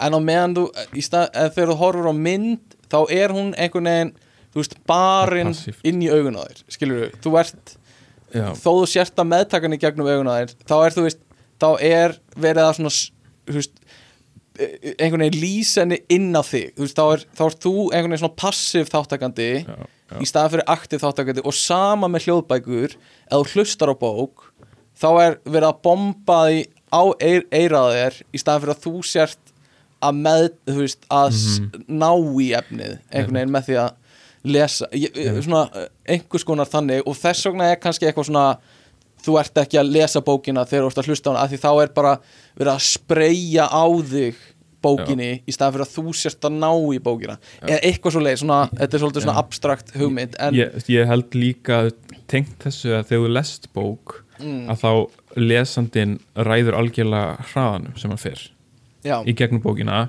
Þú veist, þú getur Mhm. stoppað þú getur farið tilbaka, þú getur stoppað að hugsa, liftir að taka tíma í að hugleiða veist, setninguna sem þú varst að lesa. Já, á meðan að ég held að ef þú ert að horfa bíómynd þá er þetta ekkert oft sem þú ert að eitthvað stoppa til þess að pæla í því sem var að gerast. Nei, ég ger þetta reyndar. Þegar ég er að horfa mynd og Kristjana kemur heim eða kemur inn í stofu og eitthvað herri, varstu hérna búin að sjá þetta eða búin að gera þetta? Og ég eitthvað svona tala við hana eitthvað. Og, og svo spóla ég tilbaka og svo tala hún aftur við mig og ég svara henni og ég spóla aftur tilbaka. Og þetta er svona en þá er það ekki til þess að ég, skil, eða það er samt ekki til þess að stoppa til þess að er það sem er í gangi í myndinni en hérna hún pyrra sér samt mjög mikið á því uh, að, hérna, ég missa kannski einni setningu í það getur bara eða verið eitthvað. líkil setning. Já, og ég bara ég, þarf- að byrja þessari fréttu upp á nýtt Já. En já, algjörlega uh, það, er, það er sjaldan sem maður er mikið er svona á þennan hátt að, að huglega myndina sem er að horfa á jafn óðum þó maður gera það kannski eftir á þá er það Já. ekki oft sem maður stoppar hugsan um senuna sem var að gerast kannski horfir ána þrísvar í viðbóti eitthvað Mhm. og svo heldur maður áfram það er ekki oft sem maður gera það sko. og ég held líka að þú að ég myndi halda ef ég væri að lesa hljóðbók mm. að þá, eða hlusta á hljóðbók að þá myndi ég leifa hlutunum að fara fram hjá mér meira? Veist, svona Já, það, já. veist, það er eitthvað lesið eða eitthvað sagt og þú veist, ég næði kannski ekki alveg en Mhm. ég er ekki að hætta að ryggsuga til þess að sækja síman til þess að spóla tilbaka Nei, uh, og, og fatta hvað var raunverulega var í gangi í svona, já, já, ég bara svona leifi mér að hugsa svona, á, ok, þetta skiptir rúglega ekki það miklu máli. Já, já, einmitt uh, Ég veit ekki og að því ég hef ekki hlustað mikið á hljóðbækur þannig að ég veit ekki hvernig ég myndi gera. Nei. Ég ger þetta alveg stundum þegar ég hlusta podcast sko. því ég fatta að hugurinn minn fór að reyka eitthvað annað á meðan eitthvað var í gangi uh, og mér finnst bara eins og ég þurfa að meðtaka allt podcastið uh, þá spóla ég tilbaka en stundum slepp ég því þannig að ég held að sé mismandi og, og örgulega fólk sem er að hlusta sem uh, upplifir, eða þú veist kannski spóla tilbaka í hljóðbókum eða Já, en svo er líka auðvitað fólk um að gera sjálfur sem að les bók og mm Mhm. maður les einhverja setningu sem að maður er ekki að meðtaka og maður eiginlega bara nennir ekki að lesa hann aftur þegar maður heldur bara áfram. Já, já, þú getur, þú getur alveg þú veist, ég myndi ekki segja að bækur sé veist, að sé alltaf betra að lesa bók heldur en að heldur en að horfa á sjónarsefni Mhm, e, eða öfugt veist, en veist, ég myndi alveg segja að uh, mér finnst alveg eitthvað gildi í því að lesa bækur veist, með öðru efni sem þú neytir. Já, já, uh, einmitt. einmitt. Uh, ok, þú varst múin að skrifa hérna eitthvað inn. Er það merkilegt að lesa bækur? Þetta uh, er- þetta er basically það sem við vorum að þetta tala er basically það sem við er erum að tala um sko.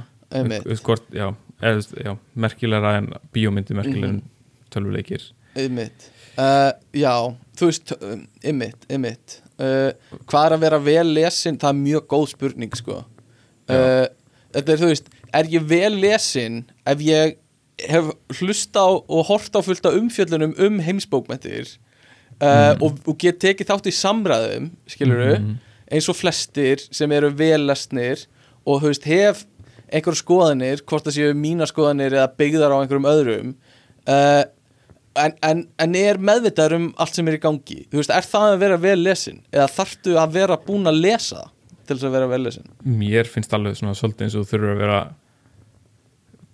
búin að lesa mikið þú veist, auðvitað er Mm. aldrei að vera búin að lesa einhvern veginn allt Einmitt. sem að gæti mögulega komið upp og þá er kannski alveg gott að vera veist, ef þú vilt raunverulega vel, vera vel lesin og geta tekið þátt í já, öllum umræðum um allt að Einmitt. þá auðvitað einhverstaðar þarf að stýtta þér leið og lesa einhver, saman, einhverja samantækt um helstu röksamdafærslu sem einhver höfundur færi fyrir málu sínu í einhverju bók.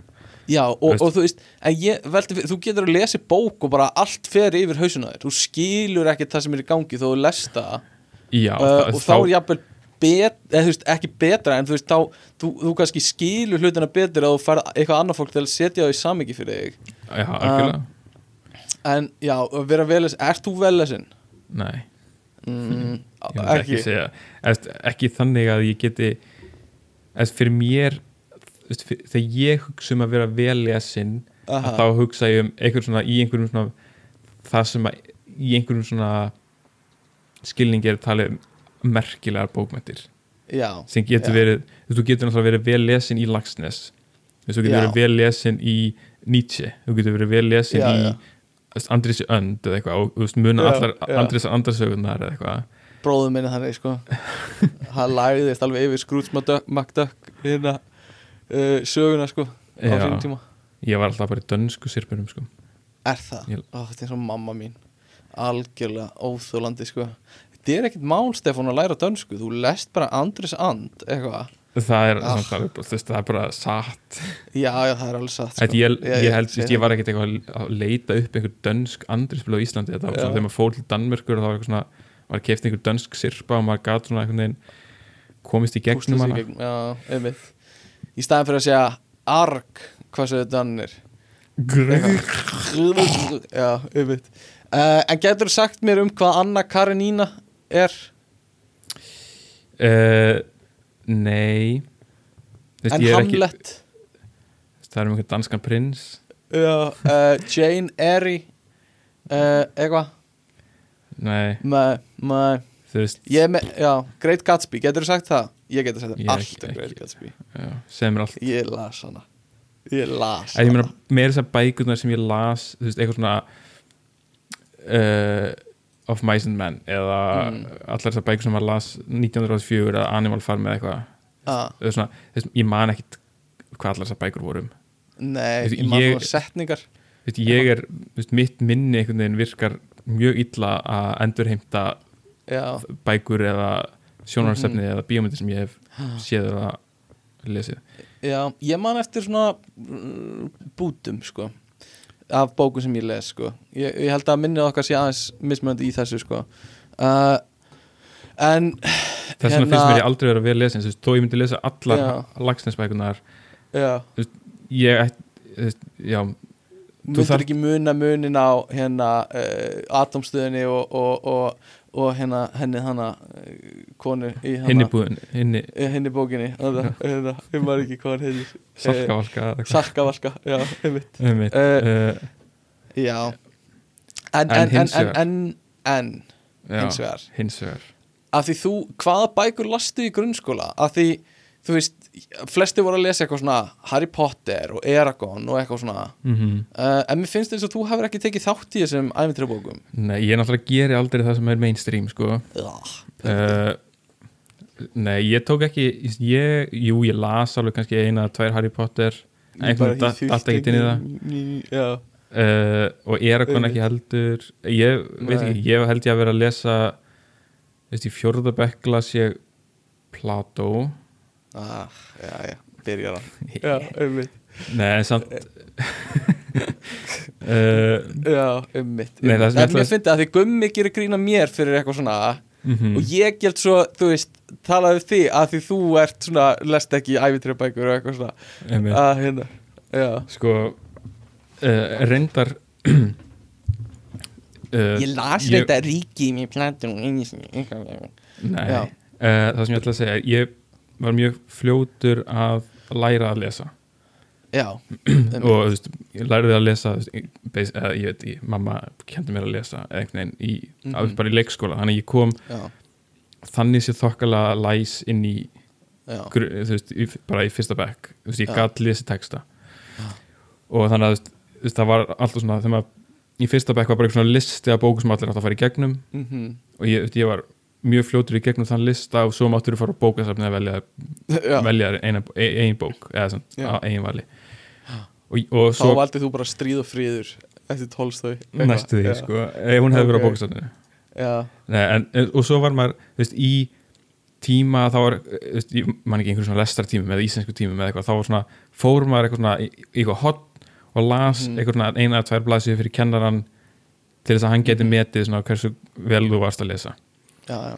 Og ég, ég held ég hafi bara verið í þriðja bekk eða eitthvað og ég var að lesa Lord of the Rings.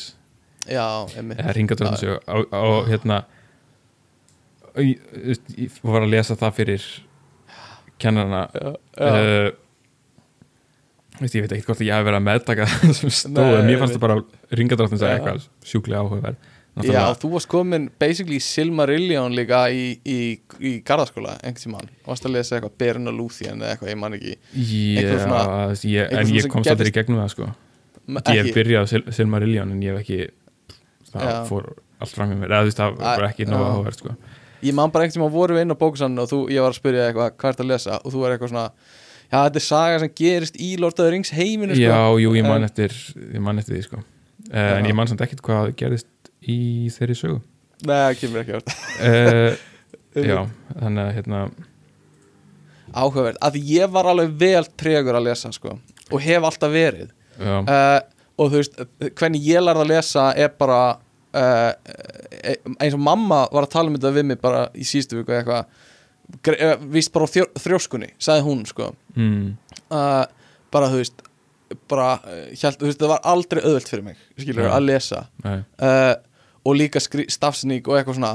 Uh, þú veist, ég er borderline, ég var settur í einhvern hóp fyrir lesblindu, sko og, og, og komst úr, þú veist ég er alveg borderline þannig en bara einhvern veginn hjælt áfram á Já, því, þannig já. að ég var örgulega á hinum endanum við þig, sko. Mm.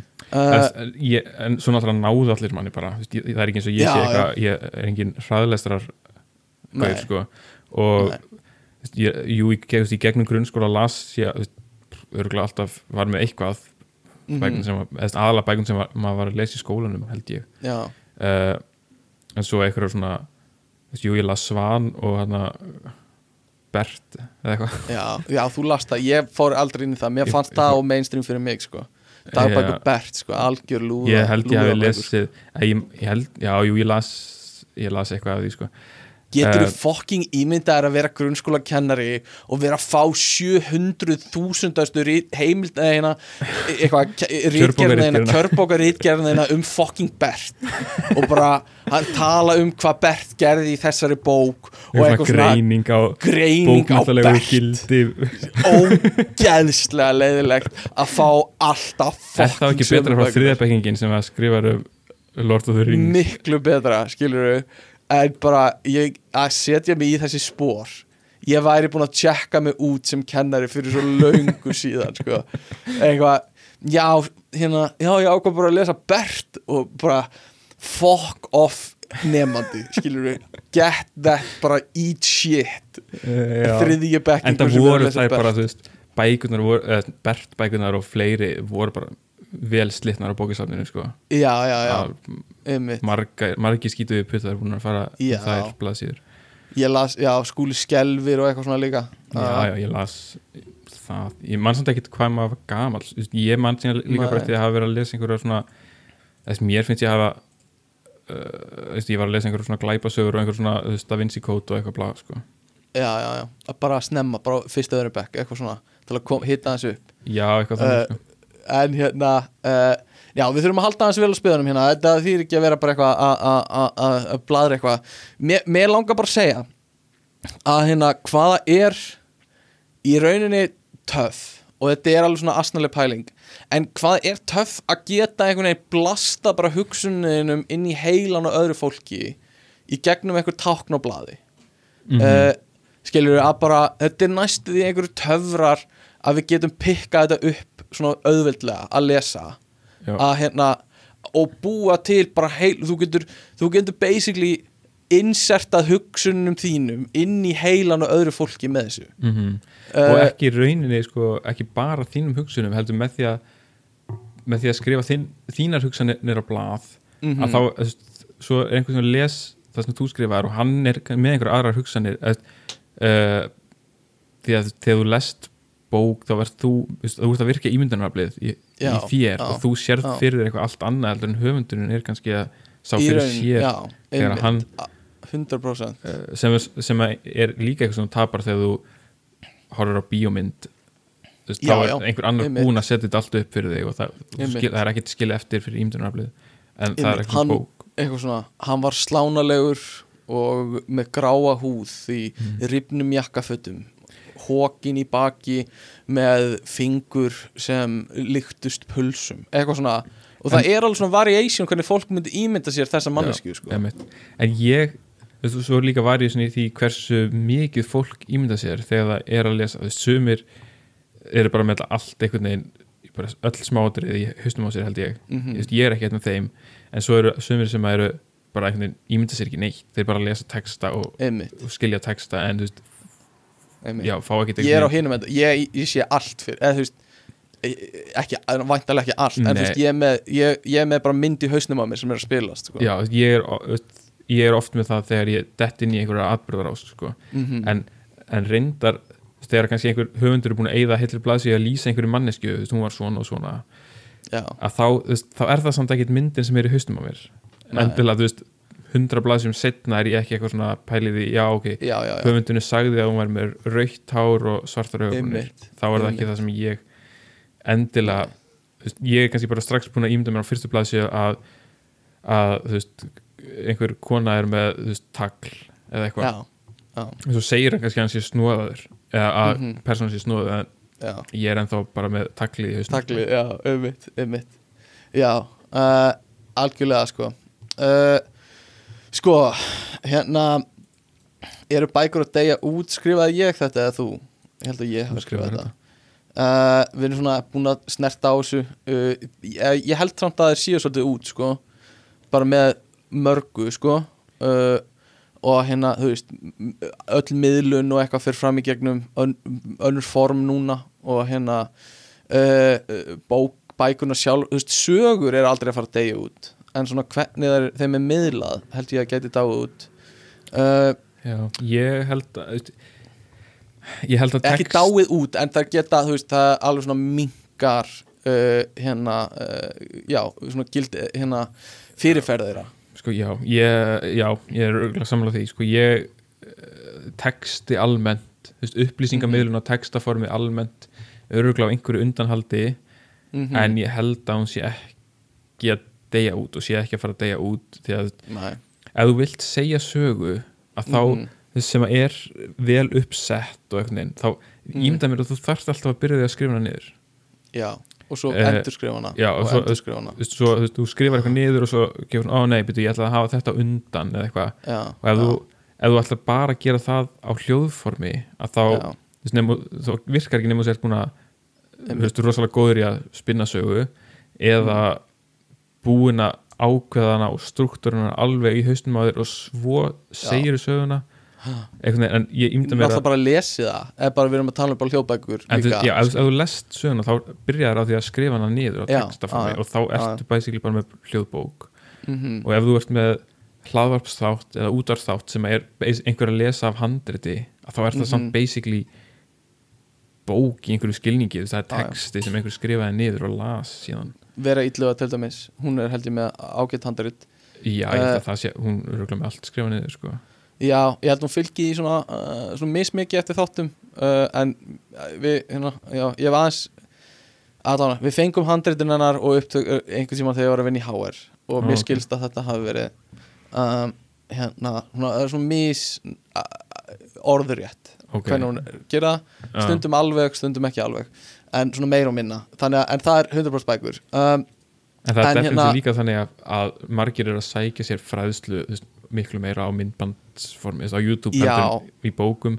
En einmitt. mér finnst persónulega oft sjálfu betra ef, ef það er eitthvað sem ég vil læra eins og stundum ef ég vil læra einhvern nýjan hugbúnað eða eitthvað forrit eða eitthvað að þá stundum leita ég uppi frekar bók eða texta með leiðbyningum heldur en myndbandi því að einmitt til þess að geta stoppað flett tilbaka já, eitthvað svona í stæðan fyrir að uh, ef þú missir einhverju myndbandinu þá er þetta alltaf þú veist, Já. finna það aftur spóla 10-20 installa Windows sekundur 95 eða eitthvað. Ég veist, Finnst það er bara að ekki myndband þannig að það er bara bæklingurinn. bæklingur í kóði. Einmitt, já ég skil það mjög vel sko. En hérna, en þú ert nú alveg ok, við erum báðið pervertar sko. Uh, þú, þú, ert, þú ert alveg pervert líka á þann hátt að uh, þér finnst gott að taka gamla bók og flett henni fyrir framan nefið á þér og lykta af henni. Mér finnst Skilur gott það- að taka gamla bók og mér finnst gott að taka nýja bók já, mér, þefa já, það er aðeins öðruvísi sko. En, önnu en, lykt. það er önnur lykt sko. En hérna, við erum báðir svona perverstar í því að lyktin af gömlum bókum og já, í nýjum bókum, ég er aðal í gömlum bókum er æðisleg sko. Mhm. um, og það er ekkert sem, sem vinnur það. Þú ert ekki að fara að fletta Kindle bara uh, spamma í gegnum blaðsjönur á Kindle og finna lyktina. Það er ekki eins og blaðsjöntala Kindle. Þú ert með prós, come on. Ok, sorry, Kindle getið ekki fucking drullast til að setja blaðsjönt Það er reyndar, ég er að lesa bók á Kindle núna og það eru blaðsíðu til. Ég held að það Ok. sé mismunandi eftir bókum sko. Já, mismunandi eftir bókum, come on, þetta er bara basic. Á hvaða blaðsíð ertu, þá átt að geta svara í staðan fyrir að segja, já ég er í 49% Mhm. Þú veist, get that shit out of here. Um, En hérna, bækur versus Kindle versus ljóðbækur. Við erum aðeins búin að, við erum búin að tekla þetta Skilur, þetta eru kostur og gallar við sitt. Uh, En það er staðreind að það er ekkert betra og það vinnur ekkert gamla, eða lyktina af bókum þegar þú flettir í gegn. Og það er ekkert verra heldur en þú tekur upp bók sniffar blaðsjöðunar og það er vondlíkt það er eitthvað svona vondprentun eitthvað svona, það er einstaka sinni sem að gera það og það er bara, þú ert færð ekki það út úr því sem þú vilt fá út úr því sko. það er líka þú veist þegar þú tekur upp tímaritt Aha, og þú veist þú flettir og veist það er einhver blaðsíður sem eru límdar saman og, einmitt, og svona svona- saltlíkt eitthvað svona svona Já. skrítin og um, ég veit ekki hversu oft ég hef komið hindi þín og tekið upp ha- hérna haggaugspæklingin og ætla að fara að skoða hvað nýju hérna upplásnu leikfengur í bóði eða, eða eitthvað svona. Og það er bara Hey, þú veist, saman þetta er bara minn hagkaupsbæklingur. Hann var Ég ekkert veit. ætlaðin einum öðrum. Hann kom Ég inn um veit mína. Það þú getur bara núna. fengið þér þinn eigin ég hagkaupsbækling. veit það núna. Ok. Um, uh, en já af einhverjum ástæðum er nettobæklingurinn aldrei klístraður hjá þér, eða bara að segja. Það er alltaf bara Um, einhver hilsuvörur og eitthvað sko. já, hérna allavega. Uh, bókatíðindi, snögg yfirferð. Ó, snögg yfirferð, ok, sko bókatíðindi 2003 eru komin út uh, yes, er þetta er besti tími ársins. Þetta er algjörlega. ég ramma inn árið eftir hverja bókatíðindi kom út. Þetta er ákveðin svona áfangi í árinu sko, Þetta núna er svona eins og þegar IKA bæklingarnir kom út sko, þá veistu, þú veist, þegar þegar hauslínan er komin sko, þykka, sko. Já, uh, sko hérna en reyndar er hún bara á netinu akkurat núna, hún mun koma í prenti en svona fyrir forvitna sem að vilja Mhm. svona sneak peek preview, þá er þetta fletta, eða ekki beint Mhm. fletta heldur, er hún bara svona sem vefsíða ok, og hérna, ok, ég var með svona nokkrar nokkrar pælingar sko. Já. Þessu er, sko, ef, ef maður fer inn á bókatíðindi.is og eitthvað fórsíðuna, aha, sko, það eru þrý flokkar, það er barnabækur, skáldverk, fræðabækur aha, ef við förum svona bara örsnögt ég hef búin að punta niður nokkur hjá mér sko, já, fyrir barnabækur já.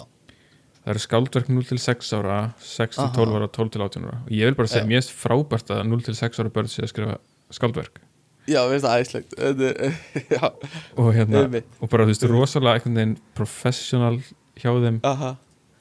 Fimm mínúna ævintýrasögur aldrei smetla risaðlu -hmm. amma hvert fara fuglarnir á nóttunni. Þú veist bara krakkar á þessum aldrei hafa þetta hugmyndaflug. Einmitt, ok, ég þarf bara að þú veist, ég veit að þetta er alveg fyndi grín hjá þér, skilur du, að hérna, ég veit bara ekki hvort að fólk fattar hvað þeir eru um að tala um.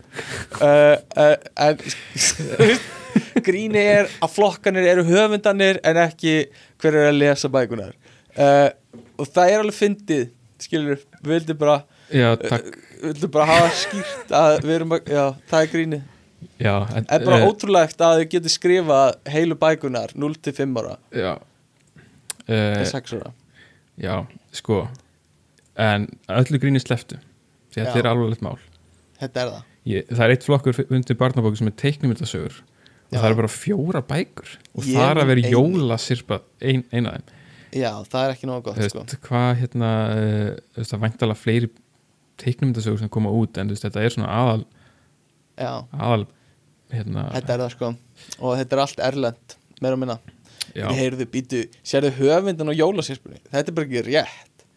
Höfundur sem er hérna, uh, mertur fyrir jólasirpunni eh, Eða, þú veist, Ég veit ekki hvort sér ég, mér finnst það ólíklegt. Höfundurinn er Walt Disney. Skilurðu? já, en það er fullt af höfundum en já, þetta meikar en það líka, Eh. þú veist, Toy Story bók sem að, eða Frozen bók, einhver uh, það, þú veist, Walt Disney er höfundurinn að þessu öllu. Og kannski er þetta bara þannig skráð, sko Eða hann var búinn að skrifa Allt. helling áður hann en múið að að skrifa allt Það gæti líka hann verið múið að skrifa bíómyndunar og allar allar svona Já. bækurnar sem að fylgdu síðan í kjölfarið Aha, aha En æðislegt, höldum áfram, Ok. hvað erum við að tala um hérna? hérna, ef við, ef við förum í uh, skáldverk, þar, þeir eru Yes. flokkuð sko í íslensk þýtt og, og svo er hérna Ljóðuleik handrit Eh, sko, hérna íslensku þetta er náttúrulega bara fárálega marga bækur. Já, Eh, og, þetta ég, er draumurum minn er að vera með einu bókan einhvern tímann. Já, Tvær bækur einhvern einhver tímann. tíman kemur á því. En þetta er bara svo þetta er svo mikið veist, og, og ég fæ alltaf svona og, þetta, ég fæ þess að tilfinningu líka bara þegar ég fyrir inn í bókabúð eða bókasafn. Að Já. mér líður eins og sé pressa á mér að lesa allar þessar bækur. Ég veit það, einmitt. Og Það eru svona eins og tengdamamma mín er alltaf eitthvað svona eitthvað svona búin að lesa þessa, þessa ógisla mikið af þessum bókum sko. Og eitthvað, ert þú búin að lesa hamingja þessa heims? Og ég eitthvað uh, hérna, uh, nei. En haugalíi? Nei, bara eins og ég eigi að vera búin að lesa Einmitt, þetta. það er, ég- veist, þetta eru sko ok, á hverju síðu hérna eru þrísasinum 1, 2, 3, 4, 5 6, þrísasinum það er Já. átján á hverju síðu og það eru þú veist, 5 eða 6 síður. Já, þannig að þú veist, en líka bara þær eru allar einhvern veginn með svona texta eða svona lýsingu sem að og maður lesi þetta og maður er svona já, þú veist, gæt I don't know, gæti verið alltaf veist, Já, ég meina á lest lýsingu á bestu bókmæntum heims þá eru lýsingarnar á bókunum ekkert betri eh, heldur en Einmitt. þessar lýsingar þú veist Ah. uh, málvísinda kona, sérfræðingur í fámennist tungumálum ákveður að breyta landi þar sem ekkert grær í Edenslund hjá íbúum nárat þorpi kviknar óvæntur áhugi á málvísindum. Á fjörur sögu heitur rekur handritað ljóðabók fyrverandi nemynda hennar sem fjallar um ást ungs karlmanns á eldri konu. Eden fjallar um mátt orðsins og ábyrðana sem við berum. I don't know, uh, gæti alveg áhugavert. alveg eins. Uh, um mitt en það sem, Eh. er, það sem er leiðilegt er að sjá að, að hérna sko glæpa sagna sérfræðingurinn uh, Katrin Jakobsdóttir er ekki með bók í ár. Ah, leðilegt mikið að gera hjá henni líka. missir sko. Já, æ, hún er svona. að halda saman einhverju, einhverju, einhverju nefnd. Einhverjum ríkistjórn og eitthvað svona sem er að falla í sundur og og þú veist, það sluppi einhverju laxar og hún er í bílu vinni í kringu laxana sem sluppu og eitthvað svona skilur það bara mikið í gangi. Já, já. en það er bara næsta næsta ár, alltaf já, já, en Íslendingar hafa nú alltaf verið uh, magn fram yfir gæði, er það ekki í þessu að því leiti að það halda allir að þið geti skrifa bók já, skilur og Einmitt. ég held að ég get alveg skrifa bók og ég geri það öruglega einhvern tíman Einmitt. og gef út bók í jólabókaflóðinu þegar ég ætti ekkert að vera að gera það skilur þú er bara aldrei inn á neitt annan markað. Nei, og þetta er bara sama með eh, eins og podcastið, skilur ég bara, ég get alveg gert podcast. Ég stopna bara podcast og er að gera líka, það. en það eru líka rosalega mörg podcast sem að eru þú veist að fá dáguða hlustun sem eru bara ekkit góð podcast. Nei, Eh, bara e, e, alveg og sammála því. sama örgulega með bækur sem að þú veist, einhverjir eru að kaupa þetta. Greinilega að þú veist, ég meina þú veist, það eru fullt af bókum eða handritum sem eru sendt til bókaútgefenda sem að fá ekki útgáfu. Já, já, en ég held líka margir sé að lesa þetta bara til þess að geta sínt, hvað eru búin að lesa marga bækur. Eða eitthvað, skilur já, Bara- já, já. eitthvað, ég veit ekki. Uh, en hérna Æ, en þú veist, whatever bara, nei, en sko, taka frá, það er frábært. Mér finnst þetta frábært. Mér finnst ekkert að þessu Vist, við að fólk sé að gefa geta haldið þeim, þeim status sem þjóð mm, að þú veist, eiga flesta útgefna rítumunda yes. Christmas book float yes, allir bara, hvað er það? og eru bara, that's a basic thing in Iceland. Yes. it's the float of new Christmas books. It's like every Og- Christmas there are like really many new books that come out. Yeah, why? Why at Christmas? oh, just because it's like everybody People gets buy at least one book one book it's, and a- they curl up by the fire yes. and they just read the book it's like on, Eitthvað. on, on Christmas Eve everybody opens their presents and then, yes, then uh, wh- when you have opened all presents and eaten the dessert then you go and read through the night yes with, that's with a blanket yes. and a few Macintosh molar yes and then you know. on the morning after then you finish the book while eating the leftovers from the dinner. That's Yes. like every that's like the law. Like everybody does it. It's it's, like law. Iceland. It's the it's the Christmas book float you know. Yes. that's basically it. Um, já. Ég er ekki frá því að helmingurinn af bókunum sem ég fengi í jólagjöfur ennþá í plastinu sko. uh, þannig að, að hérna, uh, ég, já, ég veit ekki Æ, þetta er bara, mér finnst það æðislegt mér finnst líka æðislegt að þú veist, ég hef enga afsökun að þetta sé of erfitt ég hef, þú veist ég hef e er engin að stoppa mig skilur, það er, það er engin að stoppa mig. Ég veit ekki, kannski ætti einhver að vera að stoppa mig. Það er engin að stoppa mig að skrifa bók og gefa út bók skilur, það er engin vekkur sem ég þarf að komast í gegnum þú þarft Ég- ekkert, það er engin startkostnaður. Nei, þú veist, ég, ég get gefið út bók hvernig sem er og Íslendingar gera þetta sem er bara frábært. Og líka þess þeir gefa hana bara út þá sjálfur veist, þeir þurfa aldrei að prenta hana í það mörgum eindögum að, veist, Nei, ég, ég var að hlusta á einhvern útvarstáttum daginn þar sem að hérna, út af því að hann var í tilefni þess að uh, það síðasti dagur til að sækjum fresturinn til að senda einn umsók til listamannlauna rann út. Mhm. og það var eitthvað að vera að tala við einhverjum nokkra listamenn sem að sendi inn umsóknir. Og þar var eitt sem að við skrifum að sendi bara hverju, hverju ári einhverja umsókn og skrifa einhverja bækur fær aldrei listamannlaunin en Mhm. gefur samt alltaf út bókina. Já, uh, bara fyrir sinn eigin pening og á sínum eigin Já. tíma og þú veist. Bara æðislegt.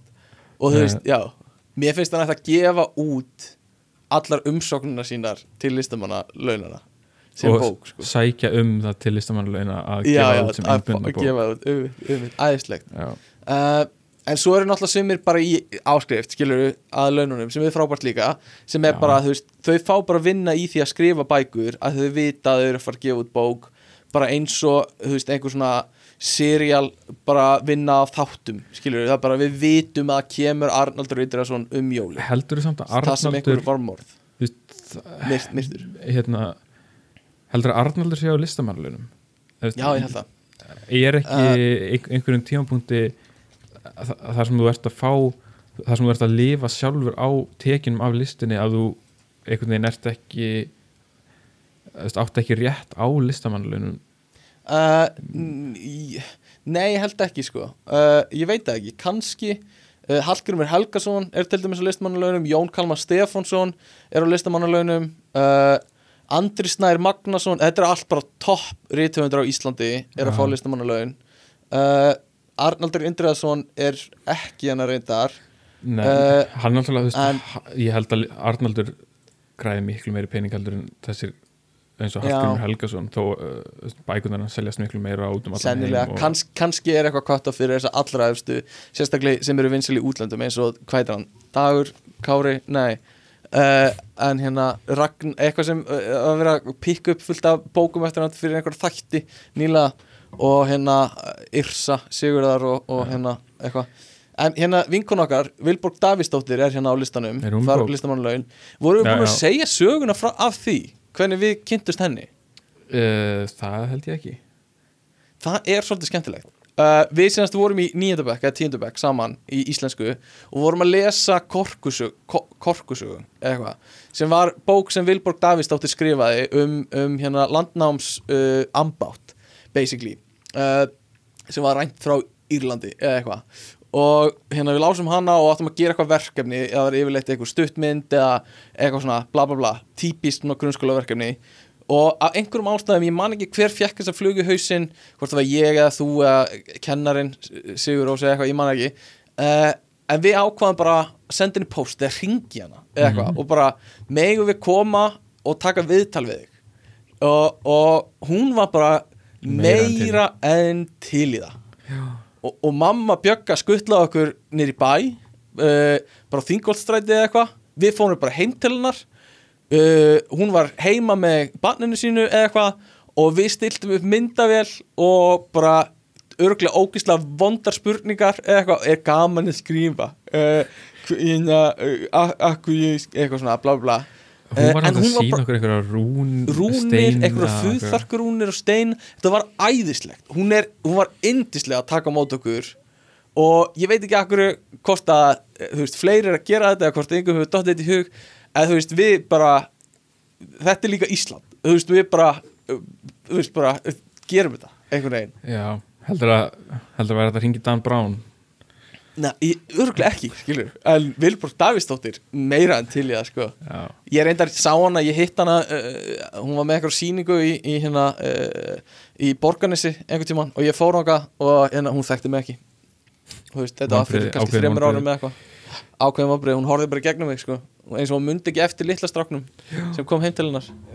Um, þannig að hérna en þetta var æðislegt. Og, og hérna uh, ég bara all for uh, þessi listamannulegin að fólk að þessi krakkar fái bara að skrifa bækuna sína sko. já Uh, það er bara mjög mikilvægt. Mjög mikilvægt sko. Herru, förum í reitskóðan uh, uh, bara hratt. Uh, ok, hérna, farið í reitskóðan, reitskóða þig. Ég rítskoð allt sem ég segi. Og skrifa. Mm -hmm. uh, reitskóðan og bókum er það í gangi núna? Sko það eru til bara vondar bækur. Eins og Minecraft bókin Mein, mein, Mein Camp bókin skilur mm sem er bara vond bók. Uh, Mhm. og hérna uh, er er á eigum við að veist, eigum við ekki að hafa hann í sölu. Þetta er bók sem myndur örugglega vera keift í einhverjum eintökum í jafnvel þó það sé bara eitthvað svona flip kaup að gefa í ammæliskjöf eða eitthvað svona, hún er því keift sama hvað. Uh, og er, en er það rétt ákvörðunin að taka allt svona úr sölu, bara, úr, þú veist bara, þetta er ekki eitthvað sem við viljum þessar hugmyndir þessar, þessar pælingar eru vondar, þær er ekki vera uh, uh, í sölu. Ég held eitthvað eins og Mein Kampf sem að uh, veist, það er bara eitthvað svona ákveðið sögulegt aha, gildi í því.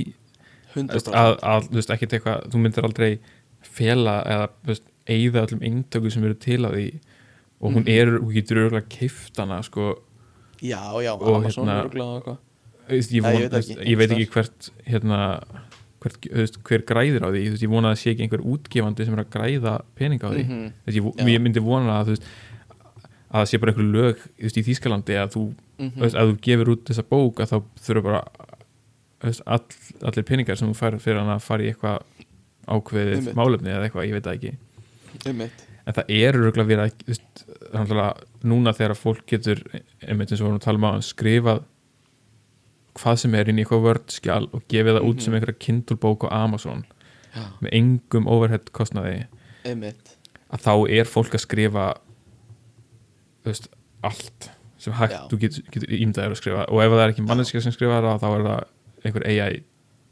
einmitt, uh, 100% og algjörlega ég held að sé alveg eitthvað gildi því að, að veist að reyna að allavega vekja aðtegla á því hvað er gott og hvað er slæmt. Já, já. einmitt. Uh, en rítskoðun yfir höfuð eins og á bókum nýlega eru bara verið að rítskoða orðalagi bókum uh, og hérna ég man ekki nákvæmlega hvaða bækur þetta voru en þetta voru bækur sem voru þú veist talað um útlita fólki og því líst sem þú veist líst holdafari og það gert á hátt til þess að svona á svona neikvæðan hátt að fólk var feitt og eitthvað svona mm. uh, og, og það er tekið út að úr alveg svona, þetta eru svona þekktar bækur, ég man ekki pengvin útgáðan var að fyllt, eða þú veist uh, ritt, skoða gamlar barnabækur og gamlar bækur sem það hafa verið að gefa út í mörg ár og höfundurinn er dáinn Mhm. það hafa verið að endurskrifa og þú veist, breyta textanum eftir lát höfundarins já, er það, þú ert að kannski tala um það sem ég linkaði þannig að Róald Dahl sem að Já, Róaldal, já, já. Einmitt, já uh, veist, ég veit ekki veit ekki hvað mér finnst uh, Mm ég er svona einhvern veginn einhvern veginn á báðum áttum sko. ég, veist, ég held að í örglega í sumum tilfellum á Mhm. þetta einhvern rétt á sér í öðrum tilfellum er kannski einhver of mikil viðkvæmni Þetta Eh, er sko, þetta er líka pælingin um e, e, sem er miklu stærri sem er einhvern veginn eigum við að reyna að koma sko okkar gildum nútímans og heima fara þau yfir á, yfir á gildin sem voru í gangi í gamla daga einhvern veginn. Mhm, og bera þau saman bara, já, bara, veist, staf fyrir staf mhm, uh, og þú veist, það er bara miklu stærri umræða. En þetta er ein svona svona hvernig það manifestar sig er þú veist að við viljum kannski að fólk lesi áfram þessar bækur, að það er eitthvað gott í þeim en við viljum samt halda útfæra þær og taka okkur það bestaleifi að útfæra þær með okkar gildum mhm, uh, í staðin fyrir að leifa bara sögunni að vera eins og hún er og vera sönn einhvern veginn, við erum, að, við erum svona smá að breyta sögunni þó að, veist, að það var engin ég held að það hef ekki verið fréttatilkynning sem var, sem var talað um þetta og þetta var tilkynnt en þú veist, þetta var gert spókum var breytt, skilur við mhm, uh, eigum að leifa sögun að vera eins skítugur og hún er og fólk bara þarf bara að upplifa það mhm. eða eigum að fegra söguna og reyna að ná, ná þessu góða úr þessum sögum sem við getum og heimt, heimafært það yfir á okkar gildi í dag ég veit ekki Svo er líka spurning hvort að í öllum tilfellum það sem við það sem eru okkar gildi núna sem eru öðruvísi en Mhm. það sem var hvort að það verði endilega gildin okkar áfram næstu 20 á 40 árin, 50 árin þú veist. 100% ekki Eh, eftir 60 ár, allt öðruvís sko. já, þannig að uh, það, það, það gæti alveg verið að veist, núna sé fólk eitthvað sammála um það, ok, veist, við þurfum að breyta þessu, þetta er of uh, hérna, þú veist, orðalagið er of Mhm. hérna, meiðandi eða eitthvað en, en svo kannski eftir ég veit ekki, 50 ára, þá mun fólk hugsa svona, nei, þetta var kannski þú veist, jú, þetta er ekki ideal orðalag en mhm, þú veist, í samhengi sögunar þá þú veist, mhm. eitthvað bla. Og þá mun, mun upprunalegu útgáfunar koma aftur. Mhm. Mhm. ég veit ekki. En maður sér Mhm. líka bara svona bækur eins og hérna í, í tinnabókunum. Já, já, já. Það er alveg var, Tinni fyrir Kongo, tinni í Kongo er alveg ekstra. Og hérna Extra, eitthvað svona mjög svona stereotypiskar hérna gýðingamyndir uh, og hvernig bara eh, hérna, inn, innfættir eru teikna er mjög svona rasíst sko. Uh, enda og náttúrulega hérna, Kongo veist, belgísk nýlenda eða eitthvað hérna, höfundurinn belgi. Já, hann er belgi. En þú veist, ég, held, ég var að lesa eitthvað aðeins um þetta og fyrstu bækurnar eru eru langvestar en svo Mhm. batnaði þetta eitthvað. En já, einmitt og þú veist, það eru margir sem tengjar og svo stert við tinna og hafa mjög sterka tengingu við hann. Mm uh, og eiga bara mjög erfitt með að heyra að Herge sé þú veist, að að það sé búið að sjóða niður í rasista, skilur já, þegar þau vilja meina að hann sé meira en það og mögulega hafi breyst með tímanum og, og lært og eitthvað svona Mhm. ég veit ekkert um það. En hérna uh, uh, já, það, þú veist, það er flóki líka sérstaklega þegar það eru svona tilfinningilega tengst og jafnvel úr æsku sem fólk hefur til þessar hluta, það er erfiðara fyrir þau að- að sætta sig við eitthvað svona sko. en svo er líka Og- í hérna uh, hérna Una var að segja mér frá því hún eða, vann á leikskóla uh, og þar veist, eru náttúrulega fullt af alls konar bókum sem að kannski, ekki, gamla bækur sem einhver bara gaf leikskólanum eða eitthvað. Og ég man ekki nákvæmlega hvernig það var en ég held að, að það hafi verið einhver myndasaga eða eitthvað þar sem að freka gömul þar sem að ennorðið er sagt. Já og jafnvel já, bara veist, aftur og aftur eða eitthvað. Aha, og ef ég man rétt það sem að Una sagði mér að þá hérna spurði Una hvort hún mætti ekki bara veist, taka þessa bók. Mhm, þú veist, bara óþarfi að hafa þessa bók hérna. Uh, en að einhverja leikskóla starfsmenn hefur bara svona einhvern veginn verið bara alveg sama. Eða að þú veist ekki þú veist, jú, jú, þú veist, allt í leið en finnst það ekkert, ekkert mál þú veist, þetta er bara bók sem að þú veist, þryggjára krakkar er að lesa og Já. er ekkert að meðtaka endilega hvað stendur en en þetta var ekki, þú veist, eh, stór eh, fræga bókin, hann að tíu litlir. Nei, held en ekki sko, en, veist, en það eru alveg gamla, gamlar myndasögubækur og ég sé, þar sjálfur sko, veist, ég hef verið í góða hyrðinum og verið að lesa einhverja gamla myndasögbók þar sem að, já, þú veist, já, einmitt. Já, algjörlega sko. En það er, þú veist, eins og þú veist, ég veit ekki hvernig maður á að segja þetta tíu litlir enn orð að- eitthvað, bla bla uh, e, e, bú, það er bara, þú veist, það er ekki bók sem á að vera eðlilega, skilur í gangi í dag. En það Já. er mjög fræg bók skilur já, uh, og það er eina af þessu bókum sem maður hugsa bara já, ok, það er alveg eðlilegt að taka suma bækur úr umferð einhvern veginn. Emitt þó ég vissum að margir hugsa bara það er, ekki þessu, eitthvað svona. En þú veist- eitthvað, já, en, þetta er líka- en þetta er samt bara svona þú veist, það er kannski hugmyndir sem að eiga bara ekkert erindi. Mhm. Uh, uh, þú veist þannig að já, þú veist, ég, ég, ég er ekkert endilega þú veist, á því að, þú veist, að ég, ég setja einhver lög sem að banna ákveðna bækur eða eitthvað þannig en mér, eða mhm, eitthvað þannig en mér finnst alveg ekki, þú veist, eðlilegt að sumar bækur séu bara ekki bara teknar úr einhvern veginn já, já. umferð þú veist, eru bara ekki En- hluti af því sem að börn er en að það lesa er þá þess að hugmyndafræðin er bara ekki sölu, sölu útgefanda að gera það? Já, eða þú veist, veist kannski að einhverju leiti ábyrð foreldra eða kennara veist, að þessar bækur sé ekki inn á bókusöfnunum eða einmitt en, en svo náttúrulega þú veist er líka alveg þú veist, okkur finnst þetta alveg sjálfsagt en svo eru kannski einhverju aðrir með einhverju aðra hugmyndir um hvað aðrar bækur ætti ekki að vera sem okkur finnst að ekkert mál að séu og, og þú veist, að, ég, þú veist er, ég var að lesa eitthvað sem að þú veist, í bandaríkinum er þetta örgulega verra þú veist, því að Já, þar er, er verið að ritt skoða að þú veist, bækur sem kannski snúast um Þróunarkenninguna. Já, þróunarkenninguna eða bara eitthvað sem okkur finnst vera mjög heilbrið kinnfræðsla eða Já, já, já eitthvað, eitthvað sem okkur finnst bara vera sjálfsagt mála þess að bækur séu til en öðrum Já. finnst það finnst þetta bara vera guðlast eða Já. eitthvað. Og það er, ég meina, það er samt líka alveg á Íslandi kynfræðsla og, og hérna hinseginfræðsla og eitthvað svona sem bara bækur um það sem fólk er bara að missa sig yfir, sko.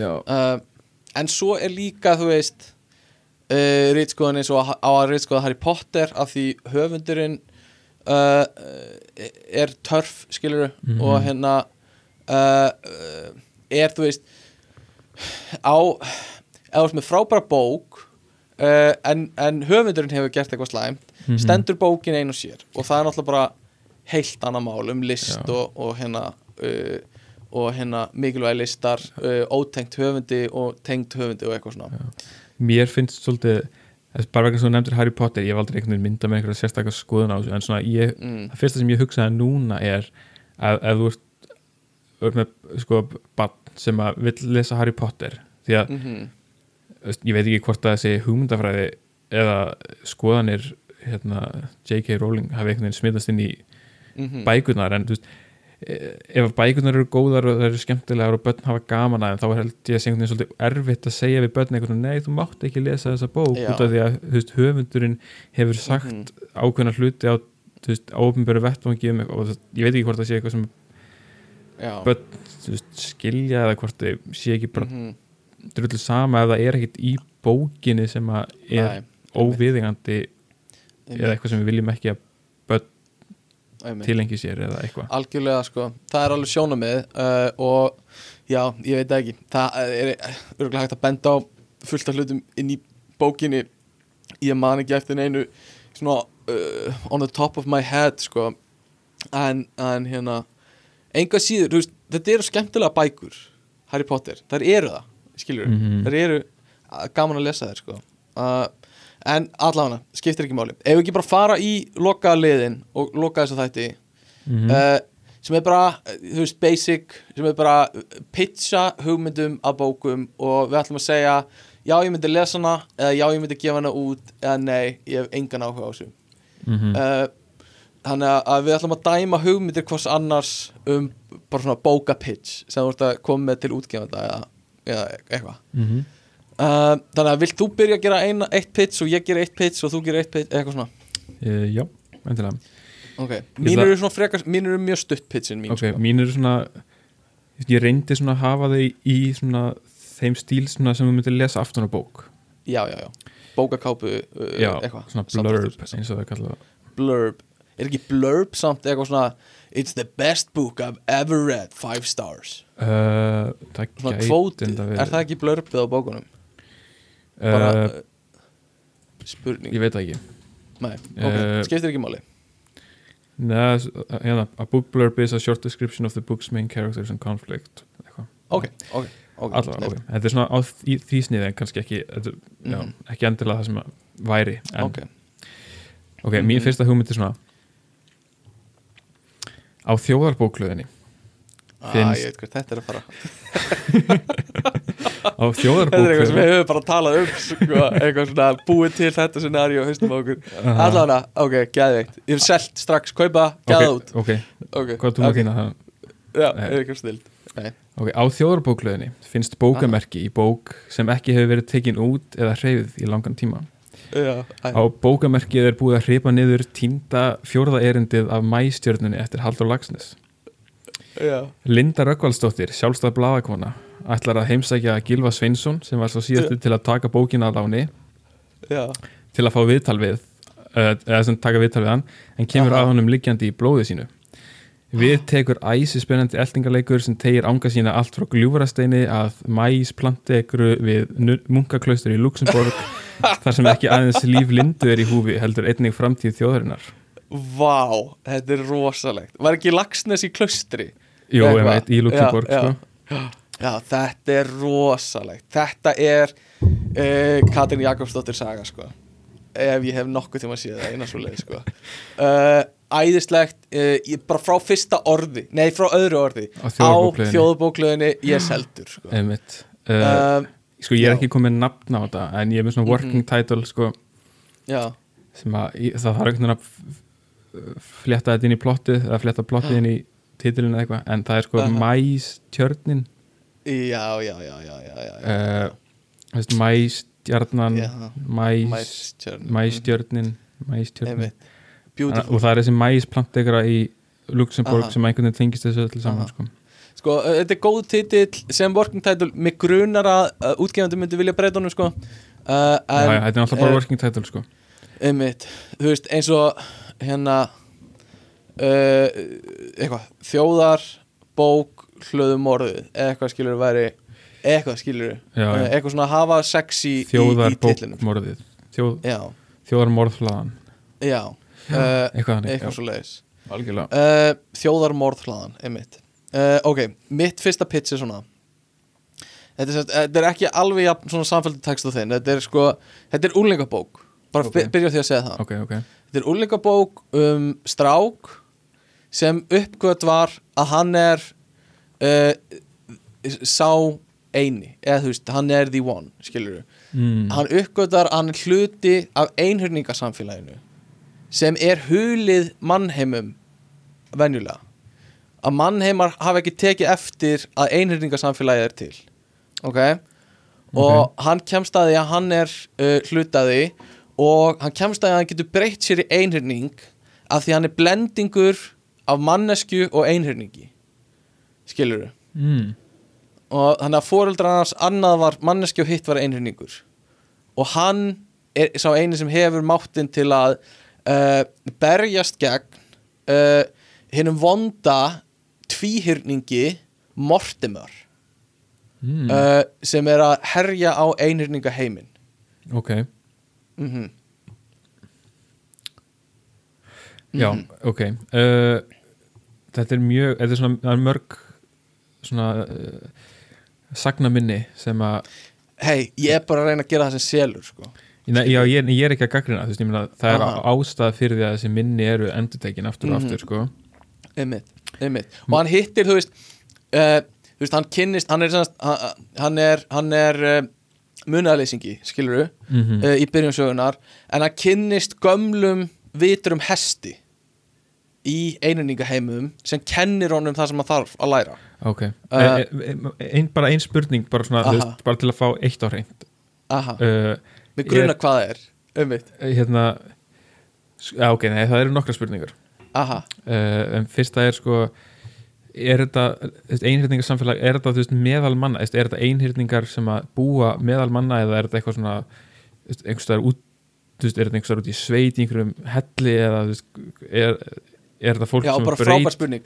Já, það eru nokkru staðir á jörðinni þar sem þú getur farið inn í helli og kemur svo út úr hellinum inn í einhyrningaheimin já, ok, uh, og hann er samsvarandi mannheimum alveg eins, allt eins nema það er einhyrningalegt þannig að þú ferðin í hellin hérna í Maríuhellum í, í Heiðmörk Mhm. og kemur út úr inn í Heiðmörk í einhyrningaheimum nema þú veist, það er allt einhyrningar ok og, og þá hérna og þetta gerist á Íslandi þetta uh, er, þetta, ekkit, ekkit endilega ok, mér finnst uh, alveg svolítið krúsjál sem útgefandi að þetta gerist á, íslenskum samtíma ég var að hugsa að þetta gerist definitely á Íslandi sko. já, þetta gerist Akkurat. á Íslandi sko. þannig að Mhm. það er svona mér hljóma mjög vel þegar það nefndi Einmitt. hellana sko. mm og ein loka spurning já sem að er svona break it sko. mm hvar fer loka bardaginn fram loka, já, hvar er hann háður? Einmitt. Uh, í, í Kauptúni í Garðabæ uh, fyrir framann hérna uh, Costco ein, eininga Costco og einhyrning Ikea. Já, í einhyrninga heiminum já.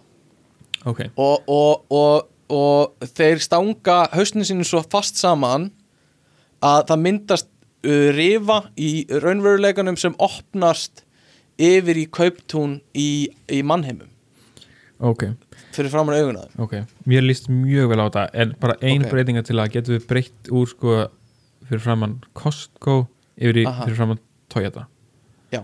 bara uh, það var það sem ég var að hugsa allan tíman sko. uh, það var það sem ég hef verið að hugsa allan tíman fyrir framan Toyota Já. Já. Ok, þá er ég bara þá getum við bara skrifað undir Selt. Geðveikt, snill. Erum við að tala um 20.000 eintök? Tötu, byrj, byrjum á því skilur já, já, ég get farið svo með svona fyrirlestur inn í alla grunnskóla landsins og sagt þeim já. að googla einrýninga Já, og að þið sé í alvörinni til eins og Þorgur með Þráinsson gerði við okkur á sínum tíma. Gerði við okkur. gerði við hann okkur. gerði okkur, hann gerði okkur já, mætti í skólan okkur og baði okkur um að googla ykkur töfraverur og reyna að sannfæra litla krakka gasláta litla krakki að halda að töfraverur séu til í mann- og að vera að reyna það í alvörinni bara í fullri alvöru. Þú veist, í fullri alvöru þetta var ekki var bara við einhverju 13 ára búbar að hérna um miskiljan eða eitthvað. Þetta Nei, bara, nei, nei. hann var bara já, það var rosalegt. Skoðið þetta. Mm Allána, næsta pitch hjá þér. Næsta pitch ég er, ok mm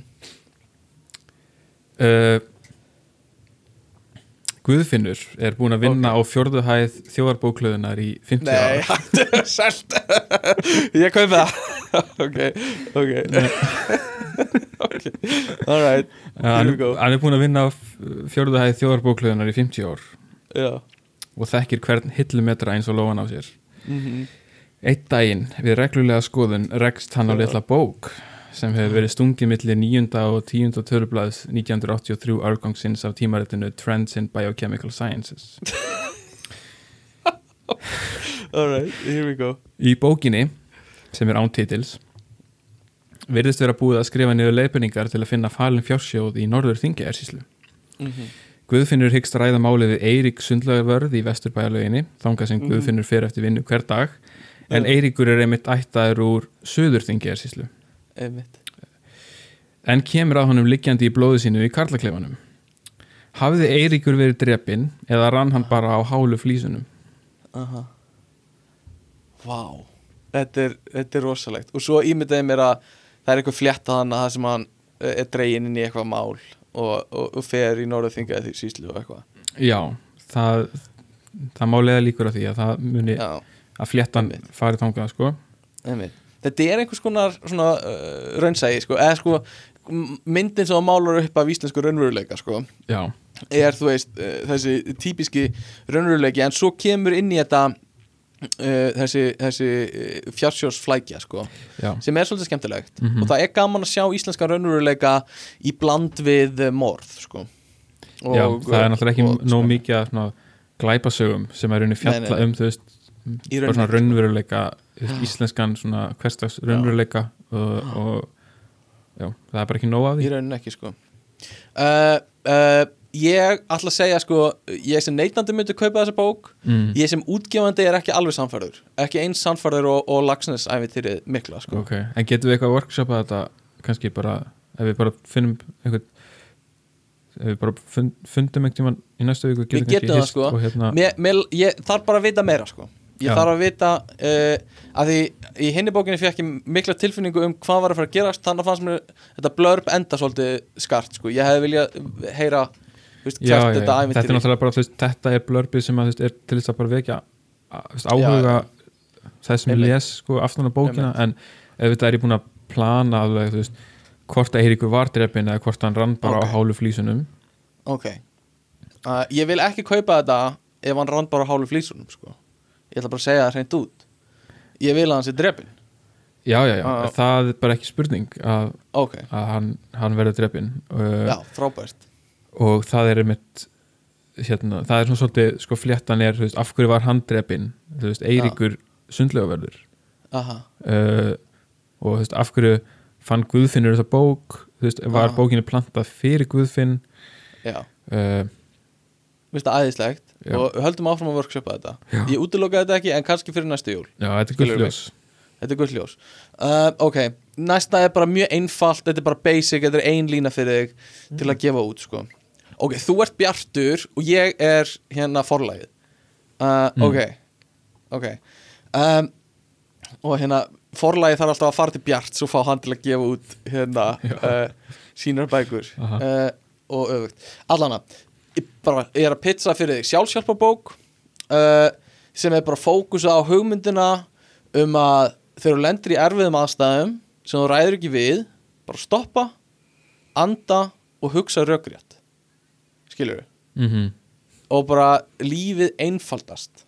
Að þú ert í erfiðri umferð bara stoppa, anda og hugsa rökrétt. -hmm. að þú ert í, í bara illa ígrunduðu sambandi stoppaðu bara andaðu og svo hugsa, hugsaðu rökrétt skilur við Mm uh, ertu, ertu fjármálaráð þeirra og pappiðin keifti fullt af uh, hlutabrjöfum í bankasölu sem þú sást um? -hmm.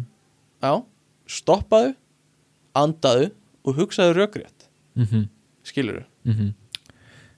Já, náttúrulega fólk er almennt að láta tilfengarnar of mikið ráða fyrr í sínu daglega lífi. Já, og fólk hugsar ekki nóg mikið rökrétt og fólk andar ekki nóg mikið áður en það hugsa Já. rökrétt. Sem hugsa og andar svo en það er, ég held að röðin og hvað þá bara stoppa skilur bara stoppaðu Já, skilur já, ná, nákvæmlega, bara stoppa hvað sem þú ert að gera. Aha. uh, stoppaðu, byrjaðu því. Já, hættu því sem þú ert að gera til þess að geta andað sem hjálpa þér að hugsa rökrétt mm, skilur mhm. En eru þú veist einhverja svona er þetta eitthvað nákvæmara en þetta? Er einhver svona tips veist, tips and tricks að þú veist, hvernig hugsa maður rökrétt. Að sjálfsögðu. Ok, þú veist, ég fer á dýftina. Og ég útskýri hvað er það að stoppa skilur já, já, já. Eins og bara, ég byrja því að útskýra fyrir fólki hvað er bók. Mm, þannig að það viti hvað það er að gera skilur Mhm. er það dagblað, er dagblað bók? Ég fer út í svona alls konar áhugaverða pælingar mm skilur, sem allir hafa áhuga á að hlusta á. -hmm. Uh, er bók, er andrisblað bók er eitthvað sem ég eigði heilum kapli að tala um. Þetta er Uh, uh, bara eitthvað sem ætti að koma í formála hverjar bókar. Já, bara hvað er bók Ertu raunverulega að lesa bók? Eða- nákvæmlega. Og, og svo fer ég að tala um hvað er að stoppa veist, hvað er að anda, ég fer hún í líffræðina um að anda Já, já, já. og hvað það gerir manni og hugsa rökrétt. Og ég kenni fólki bara að hugsa rökrétt frá grunni. Getur þú kannski, þú veist, skýða mér eitt eða tvö tips þú veist, svona Mhm. helstu skrefin í því að hugsa raugrétt algjörlega skilur uh, viltu súkulaði skilur, þú ert einn heima hjá þér ert að horfa þátt mm -hmm. uh, Office, seríu 5 þátt 4 æðislegu þáttur til langar í súkulaði Mm -hmm. skilur Mm uh, þú stoppar aðeins hugsar, nei, andar. -hmm. súkulaði er bara einhver klessa sem er búið til úr bönum og sigri Mhm. ok, bönir eru líffræðileg afurð sem koma af trjám. Mhm. vil ég það í líkama minn? nei, sigur sigur er ekkert annað en eitur. Vil ég það í líkama minn? nei. Vil ég súkulaði? nei, skilur mig? En, en nú eru veist, fleiri afurðir sem vaks á trjám og eru náttúrulegar. Einmitt. Vil ég þær ekki Þetta ég er bara að hugsa þú veist, hver, hvert röggsendafæslan er að leiða mig algjörlega eðlileg spurning. Bönir, það er vaks á trjám skilur, þetta er mjög eðlileg, eðlileg spurning. Já. Bananar, þeir vaksa líka Heri, trjám Ok, ég ætla bara að stoppa það hér. Ég, ég, ég, ég heyri að það er potensial. En Ok. það, það, það komdu með þetta fyrir næstu jól. Já, og verður búin að pæla aðeins mér að þessu? Ok, hérna- ég, já, ég stoppa aðeins ég hugsa Já. og ég nei, anda og hugsa núna, ok, snild Herðu, förum í síðustu, síðustu pitsi hjá þér Bjartur. Ok, Ok, forlægið, segðu það. Ok, for lagið Já, uh, Þetta er sem sagt uh, þetta er svolítið frábröðu Vinu, þetta er barnabók sko. Aha, uh, Ok. Bubbi Lalli er nýja ára gutti sem á sér þá ósk heitasta að opna gelato ísbúð býta ég þarf að stoppa þig. Mm, Hann heitir Bubbi Lalli, Já, frábært Halda Ás, hann heitir Ásbjörn Lárus en hann kallaði Bubbi Lalli. Bubbi Lalli. Uh, já, sem sagt uh, Bubbi Lalli já, uh, já, Bubbi Lalli er nýja ára gutti sem á sér þá ósk heitasta að opna gelato ísbúð á Kúmen í kringlunni aha, þegar hann verður stór. Já, Þorfinnur, pabbi Bubba Lalla hjálpar honum að opna lítinn gelato ístand í götunni. Mhm. En þegar íslenski armur ítölsku mafíunar heyrir af áformunum æsast leikar. Mm. Einn daginn kemur Bubbi Lalli að pappa sínum liggjandi í blóðu sínu og við tekur æsispennandi eldningarleikur Æði sem tegir ánga sína allt frá gamalli ís, upps, u- u- gamalli ís uppskriftabók á Já. þjóðarbókluðinni að óþekktu ættaróðali sem Bubbi Lalli erfir eftir pappa sinn á Sigilei Já. Uh, Og þetta er barnabók? Þetta er barnabók, eða svona barnaúlinga Fyrir- barna, Nú, Ekki 0 til 6 Vel nei, myndskreit nei, nei, hún, þetta er, Nei, nei, nei. Þetta er uh, 13 til 18 flokkurinn sko. Ok. svona, já. En fullari fólk hefur þá líka gaman af henni Eða hvað? já, algjörlega sko. það, er, það er svona þú veist, þetta er svona bók sem fullar fólk veist, getur lesið á milli línana og Já, já, þannig að já, svona, þetta er svona fyrir þemu Þemu kannski á mannsali Og eitthvað svona sem börn láta fram í sér fara En fóreldrarnir geta lesið í já, bara Einmitt. 100 100% sko Ok, ég fíla það. Ég fíla, ég fíla líka gelato ís uh, Ég fíla allt þetta Við getum jafnvel farið í samstarfi kringluna Skilur uh, Og það er allt hægt í þessum málum pop-up pop ás í kringlunni sem hluta kringlunni, einmitt. sko. Við getum verið með sko áskriftir á bókina og gelato ís Skilur já, já, já, um, algjörlega Ég sé þetta Ég sé þetta líka vera mynd Ég sé þetta kannski uh, Þríleik uh, Sem getum var verið í samstarfi við ítölsk bara að hugsa um Netflix seríu sko heldur að það já, já, já. Mm Ok, ég hef ekki góða reynsla á Netflix með fyrir kunnum bara að segja uh, Ég myndi skoða uh, sagafilm eða Ok, okay. trúnár mér finnst þetta bara að vera stert sko. Mhm. það, það er stert að hérna ég held að Netflix, veist, ef það er ekki Netflix þá held ég að það sé bara ekki, ekki þess verið sko. Ok, ég leifi þér algjörlega að hugsa þinn gang með það. Uh, En við höfum áhuga og hérna Ég bara er tilbúin að segja Við bjóðum í þetta. Við bjóðum Ok, okay, hygglust í þetta. frábært, mm og uh, ég er tilbúin með sko ítalska þýðingu. Að við getum alveg herjað bara beint á Einspurning, titillin Hver er titillin? uh, Er það ævintýri Bubbalala? Eða Bubbilala og Ísin? Eða eitthvað svona? ég var að hugsa að koma ís einhvern veginn þú veist, Ískaldur ís, ískaldur bubbi eða eitthvað? Já, já, já, já. Já, sniðut að fá Bubba bara Bubba inn í þetta. Já, við getum kannski selt eitthvað af því. Að herja svolítið á að þetta sé Bubbi skilur í markasetningu já, já, lítill Bubbi stopnar ísbúð, skilur og hann getur verið sköllóttur jafnvel á myndunum. Það byrju, æðislegt. byrju, byrju, ég glemd að segja að þetta er náttúrulega byggt á sannsögulegum atbyrðum sko. Nú, byrju heitir Bubbi Mortens uh, uh, Ásbjörn Lárus Þorfinnsson Mortens. Uh, já, ok. Ok. Já það er, það er ennþá betra snild, snild, snild, snild. Þetta er æðislegt hjá því strákur. Eitthvað, skilur við bubbi bara, við getum fengið hann til að lesa þetta. Nú er Já. lítið saga. Bubba's lilla strák. Eitthvað svona, skilur já, það, ég er að bubbi var náttúrulega með mér Bubbi lill, í, í gegnum alltaf er sko. einmitt ég er Bubbi lilli og ég ætla að syngja lítið lag fyrir eitthvað svona, mm skilur -hmm. æðislegt. Herru, ok, leið mér að pizza fyrir því síðustu sögunum minni. Uh, þetta er sem sagt uh, þetta er saga Íslandings um miðja 19. öld. Uh, þar sem hann fer í gegnum það að vera sagaður um þjófnað og ofbeldisglæp uh, í kaupstanum Reykjavík. Uh, við sem lesendur fáum aldrei að vita hvort það er satt eða ekki. En hann er hrakinn úr kaupstanum og endar í verstöð á Austurlandi þar sem hann fær uppreist æru þegar hann gengur ungum drengi föðurstað og endar á því að fórna sér fyrir hann þegar þessi ungi drengur fellur frá borði. Uh, já. Vá, þetta smá hérna, snerti við þér? Já að, sko ég hérna Aha. sko, þetta er, þetta er frábær hugmynd Aha. ég held að við ættum að setja hann á ís í smástund nokkur Ó. ár, vegna þess að ég, sko, ég kom með fjóra hugmynda til mín bara Já. núna fyrir þessu jól Einmitt. sem eru með einhverju svona veist, 19. aldar sögu uh, með einhvern veist, sem að fer annarkvort úr sveit í borg eða úr Já. borg í sveit sko, ok, og, ve og verstöðar verstöðar eru í tísku svolítið.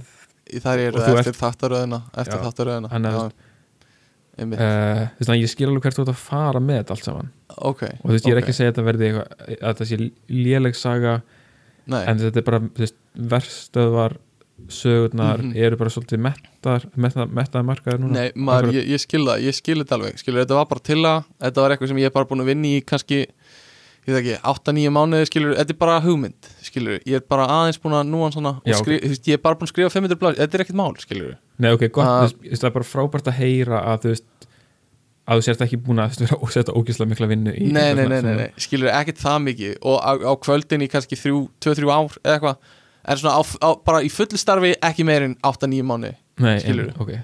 Bara uh, gott. þannig að En þú veist, það er mjög leiðilegt ég að heyra þú veist, að þú varst byrjað að skrifa þessa bók þú veist, áður en að Aha. verstöðar æðið kom sko. ég veit það að er bara leiðilegt Ég- að þú já, sért svolítið já, svona sitt mhm. með það er alveg smá pyrrand, það er svona nájar með smá skilur mm, ég fæ svona smá svona uh, akkur, uh, akkur gerir þetta eitthvað svona. Já, uh, ég hugsaði þetta fyrst eitthvað svona.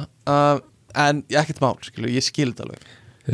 Ekkert mál. ég sótt um listamannalög eftir þrjú, Aha. fjögur ár með þetta já, já. Uh, og þú veist þú gætir komist inn, ég er ekki að segja að bókin hafi sel, myndi seljast mikið því að veist, það er allir búin að lesa fjóra bækur síðustu fjögur árin um algjörlega en þú veist, hún, hún gæti komist samt, þú veist, þú gæti komist í bókatíðin ok, það Ef er í er- einu sem ég vil sko. Já, ok, það það- er basically það sem ég vil sko. þannig að veist, það er, um, það er svona leiðin sem ég myndi fara með þetta fyrir þig sko. ég bara, ég kann ógæslega með það og bara takk fyrir að vera til í að hlusta á mig og hérna, já, bara bara takk mál, fyrir bara, þessar, þú veist, pælingar sko. já, bara hérna já, ertu við búinn? já, ok, hérna, snild ef við ekki bara loka þættinum uh, eitthvað Jú. meira já, ætlar að bæta eitthvað við þetta bit sem við vorum með í gangi uh, nei, bara Nei? ekki fyrst að þú slútaði því ok, hérna uh, takk fyrir að, að hlusta kæru hlustendur á uh, okkur að tala um skilgrinningar á bókum eitthvað sem allir er að deyja yfir að hlusta uh, og uh, Uh, hafið samband á ekkertafrétta.gmail.com eða ekkertafrétta á Instagram uh, við erum með spennandi uh, nýjung uh, í sko efnismiðlunin okkar sem við tilkynum vonandi á næstu vikum sem á eftir að gjörbylta svolítið bara mörg þjóðinni? í samfélaginu ha? þjóðinni bara Já, jafnvel þjóðinni. Uh, Þannig að, að hérna stay tuned. Við erum með ímislegt í pípunum Og hérna uh, Rauvindagsins dag var hérna Hvað var það? einhver dökkur gróls Gróls Gróls Dökkur gróls Betur en eitthvað, ljós gróls, ég man ekki. Uh, Og styrtar alveg þáttarins dag voru Hann sko, þetta er haustlitir Gulur, rauður Haustlitir uh, Já, uh, gulur, rauður. Brút brún já. Já, basically haustlitir uh, og hérna uh, og já, bara mm, já, ég veit ekki eitthvað, takk fyrir all bara, ég veit ekki, sjáumst í næstu viku eða eitthvað, eitthvað meira sem þú bæta við? Uh, nei, ég held að þetta sé komið. Nei, Gott. þú segir, nei, nei, nei þú segir alltaf, nei, bara hérna, lesið meira bókum eða eitthvað svona, þú segir alltaf eitthvað svona nei, bara eitthvað sem tengist umræðum ah, ok, Ok, þannig að ég spyrir það þurr uh, Ég veit ekki, uh, vilt, uh, eitthvað sem þú vilt bæta við? nei, bara verið duglega að lesa Nice Ok, bye Bless.